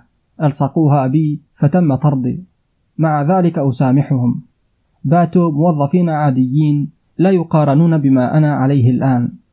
الحمد لله الذي رعاني ونصرني فوثق بي آخرون وأنا الآن مدير شركة. أما أنتما فقد كنتما قاضيا ظلم فيما وقع بيني وبين نعيمة. كنتما على دراية تامة بخبايا الخطة التي حيكت ضدي وعليه فلا أقبل لكما اعتذارا. وبموجب الشروط الجديدة لإتمام العقد عليك وعلى المدير الحالي لشركة بروورك الاستقالة من منصبيكما دون رجعة وفورا. ينظر فريد في مالك مذهولا غير مصدق. وقع واذهب يا فريد فلم يبق لنا مكان هنا. قالها مالك بحزن كبير. يتقدم فريد ودون كلمة يوقع ويخرج من قاعة الاجتماعات مذلولا. يليه مالك. ينهض يوقع بدوره وهو ينظر إلى وحيد. هذا الشاب الذي قلب عليه الطاولة من حيث لا يدري. يخرج من القاعة بدوره متثاقلا يتبعه كريم والبقية. لتبقى المستشارة والسكرتيرة واقفتين غير مدركتين لما تفعلانه. ينسحب وحيد وتوفيق. وكذا عضوي لجنة الإدارة يخرجان من المقر وفي طريقهما يسأل وحيد توفيقا كيف أبليت؟ يبتسم توفيق. كما لم يبل أحد. يبادله الابتسامة وبأناقة يغادرون المقر منتصرين. تاركين رماد حرب انطفأت نيرانها توا معلنة فوز الخير على الشر كما هي عادة القصص والحكايات. غير أن هذا واقع وحقيقة فما أجمل أن يكون النصر كذلك. قناة عبد الباري الطشاني على اليوتيوب للكتب والروايات المسموعة. الفصل الثامن والعشرون. شركة الغد الآن. تم إدماج بروورك في شركة الغد وصارت واحدة باسم الغد دائما. على رأسها المدير الجديد ناجي وحيد. الشاب الذي خالف كل التوقعات وبرهن على قوة وحزم في التعامل مع من سبقوه خبرة في المجال. أعاد ترتيب المسؤوليات في الشركة الجليلة وفرض مراقبة خاصة على بعض الموظفين. جعل كل منهم في منصبه الذي هو مخول به. فتح أبواب الحوار والنقاش. أعاد تأسيس أركان شركة تشدو المستقبل اليوم بمساعدة توفيق مستشاره الحالي. تحسنت الأمور كثيرا وتعددت الشراكات بين الغد وشركات أخرى وطنية وأجنبية كثيرة. ذاع صيت الشاب الذي بإرادته وقدرته وباجتهاد عمال وموظفين أكفاء تمكن من قيادة إمبراطورية نحو النجاح. تنامت شهرته وزادت الأرباح فوصل إلى ما لم يصله شاب لم يتجاوز الثلاثين. كان ولا زال معجزة حية نموذج المناضل العنيد. الشركة بين أيدي أمينة. ما دام قائدها يسير شؤونها بيد حريصة على الكد والعمل راغبة في المزيد بعقول فكرت ولا تزال بعرق جبين قدمت وتقدم ما أمكنها في سبيل بلوغ قمم تنتظر من يعتليها. نعم لكن ماذا بعد ذلك؟ ماذا بعد المجد؟ الفصل التاسع والعشرون. الخطوة الموالية. كلما وصل الإنسان إلى هدف رسم آخر أسمى ليحققه. هذه هي طبيعة الإنسان والتي تحثه دائما على البحث أكثر لما هو أفضل. بالنسبة لوحيد الخطوة الموالية هي أن يفكر القائد في نفسه بعدما فكر في الجميع. أن يحول اهتمامه الآن إلى ما ضحى به في الأول حياته الشخصية. كثيرا ما يضيع الناس في وهم الحياة. يظنون أن تفوقهم المهني هو الهدف الإنساني الأعلى. فينسون بل يتناسون ما هو أهم. العلاقات الإنسانية الصداقة صلة الرحم الحب الزواج. أنجز وحيد ما عجز عنه الكثيرون. لكن إن قلبنا أوراق نجاحاته نجدها متعلقة فقط بعمله. في حين أن أبسط الأمور التي يجب أن تكون في حياته فوتها كمجرد اللعب والتنزه السفر قراءة الكتب أو المشاركة في مباريات لكرة القدم. يخيب الإنسان ويخسر إذا وصل إلى سن الستين أو السبعين ويجد نفسه ضائعا في بحر ثروة لم يستفد منها. ترك إنسانيته وطبيعته رهينة المال والأعمال. ولو اعتنى بنفسه لسعد بالفعل. لفرح فرحة لا تعوضها سبائك الذهب. يفكر وحيد بالخطوة الموالية بعد أن عدل أموره وسواها على أكمل وجه. بعد تحسين ظروفه الاجتماعية والأسرية بات يشغله الآن أمر خاص. بات يبحث عن الاستقرار. قناة عبد الباري الطشاني على اليوتيوب للكتب والروايات المسموعة. الفصل الثلاثون. ملاك ووحيد. تفضلي آنسة مكارم. مشكور أستاذ. لم أصدق أنه استدعاني لمكتبه. يا ترى ما السبب؟ لاحظت عليه بعض التوتر. لربما. لا لا. محض أوهام. سيكون الأمر أشبه بالحلم إن كان كما تخيلت. استدعيتك اليوم لأشكرك على كل ما قدمته وتقدمينه لشركة الغد الجديدة. المنصب الذي تشغلينه مهم للغاية. فنوعية الموظفين الذين يفتكون مناصب في الشركة. لم أتابع ما كان يقول. في الحقيقة سرحت بت أفكر في أمور أخرى وأنتظر كلمات غير التي كانت تخترق مسامي أي عنوة. آنسة مكارم هل أنت معي؟ نعم نعم آسفة. يبدو أني سرحت للحظة. لا بأس. المهم في كل هذا هو أنك معنا. نحتاجك دوما معنا يا آنسة. قالت ملاك وأنا سأكون وأبقى إن شاء الله في شركة الغد. صحيح أني قررت الخروج بعد انتهاء مدة تربصي للبحث عن فرصتي في شركات أخرى لكن بعد توليك زمام الأمور قررت أن أبقى. كلماتها هاته هزتني من الداخل. شعرت بفرحة غمرتني لم أشعر بها من قبل. أشكرك أيضا على تدخلك في أمر قضيتي مع السكرتيرة. فضلك علي كبير. بفضل الله أولا ثم بتدخلك وتعريفي لأبيك صرت إلى ما صرت إليه الآن. لك كل الشكر مرة أخرى. صار قلبي ينبض بشدة. لن أحتمل أكثر. لا داعي لشكري أستاذ. هذا من ذوقك. كما أن كل النجاحات التي حققناها كانت بفضل قيادتك الرشيدة وكذلك جدية واجتهاد الموظفين في عملهم. يسود صمت للحظات. لا يدري أحدهما كيف يكمل حديثه مع الآخر. ما يخالج صدريهما إحساس واحد. ومع ذلك يا إلهي كيف أصارحها الآن؟ كيف استطعت تحمل مسؤولية شركة بأكملها ولم أستطع النطق بكلمة واحدة. لمن انتظرت أن أقولها لها بشغف. أهناك خطب ما أستاذ؟ كلا كلا لا شيء. سرحت أيضا. تضحك ملاك ضحكا متقطعا فيرد وحيد بكل عفوية. ضحكتك جميلة. عفوا. يرتبك وحيد لكنه مع ذلك يتشبث بما قال فيعيد. قلت ضحكتك جميلة. تخجل ملاك وتطأطئ رأسها فلا تنطق بكلمة. وحيد مع نفسه لم أفلح في جذبها بل زدت الطين بلة.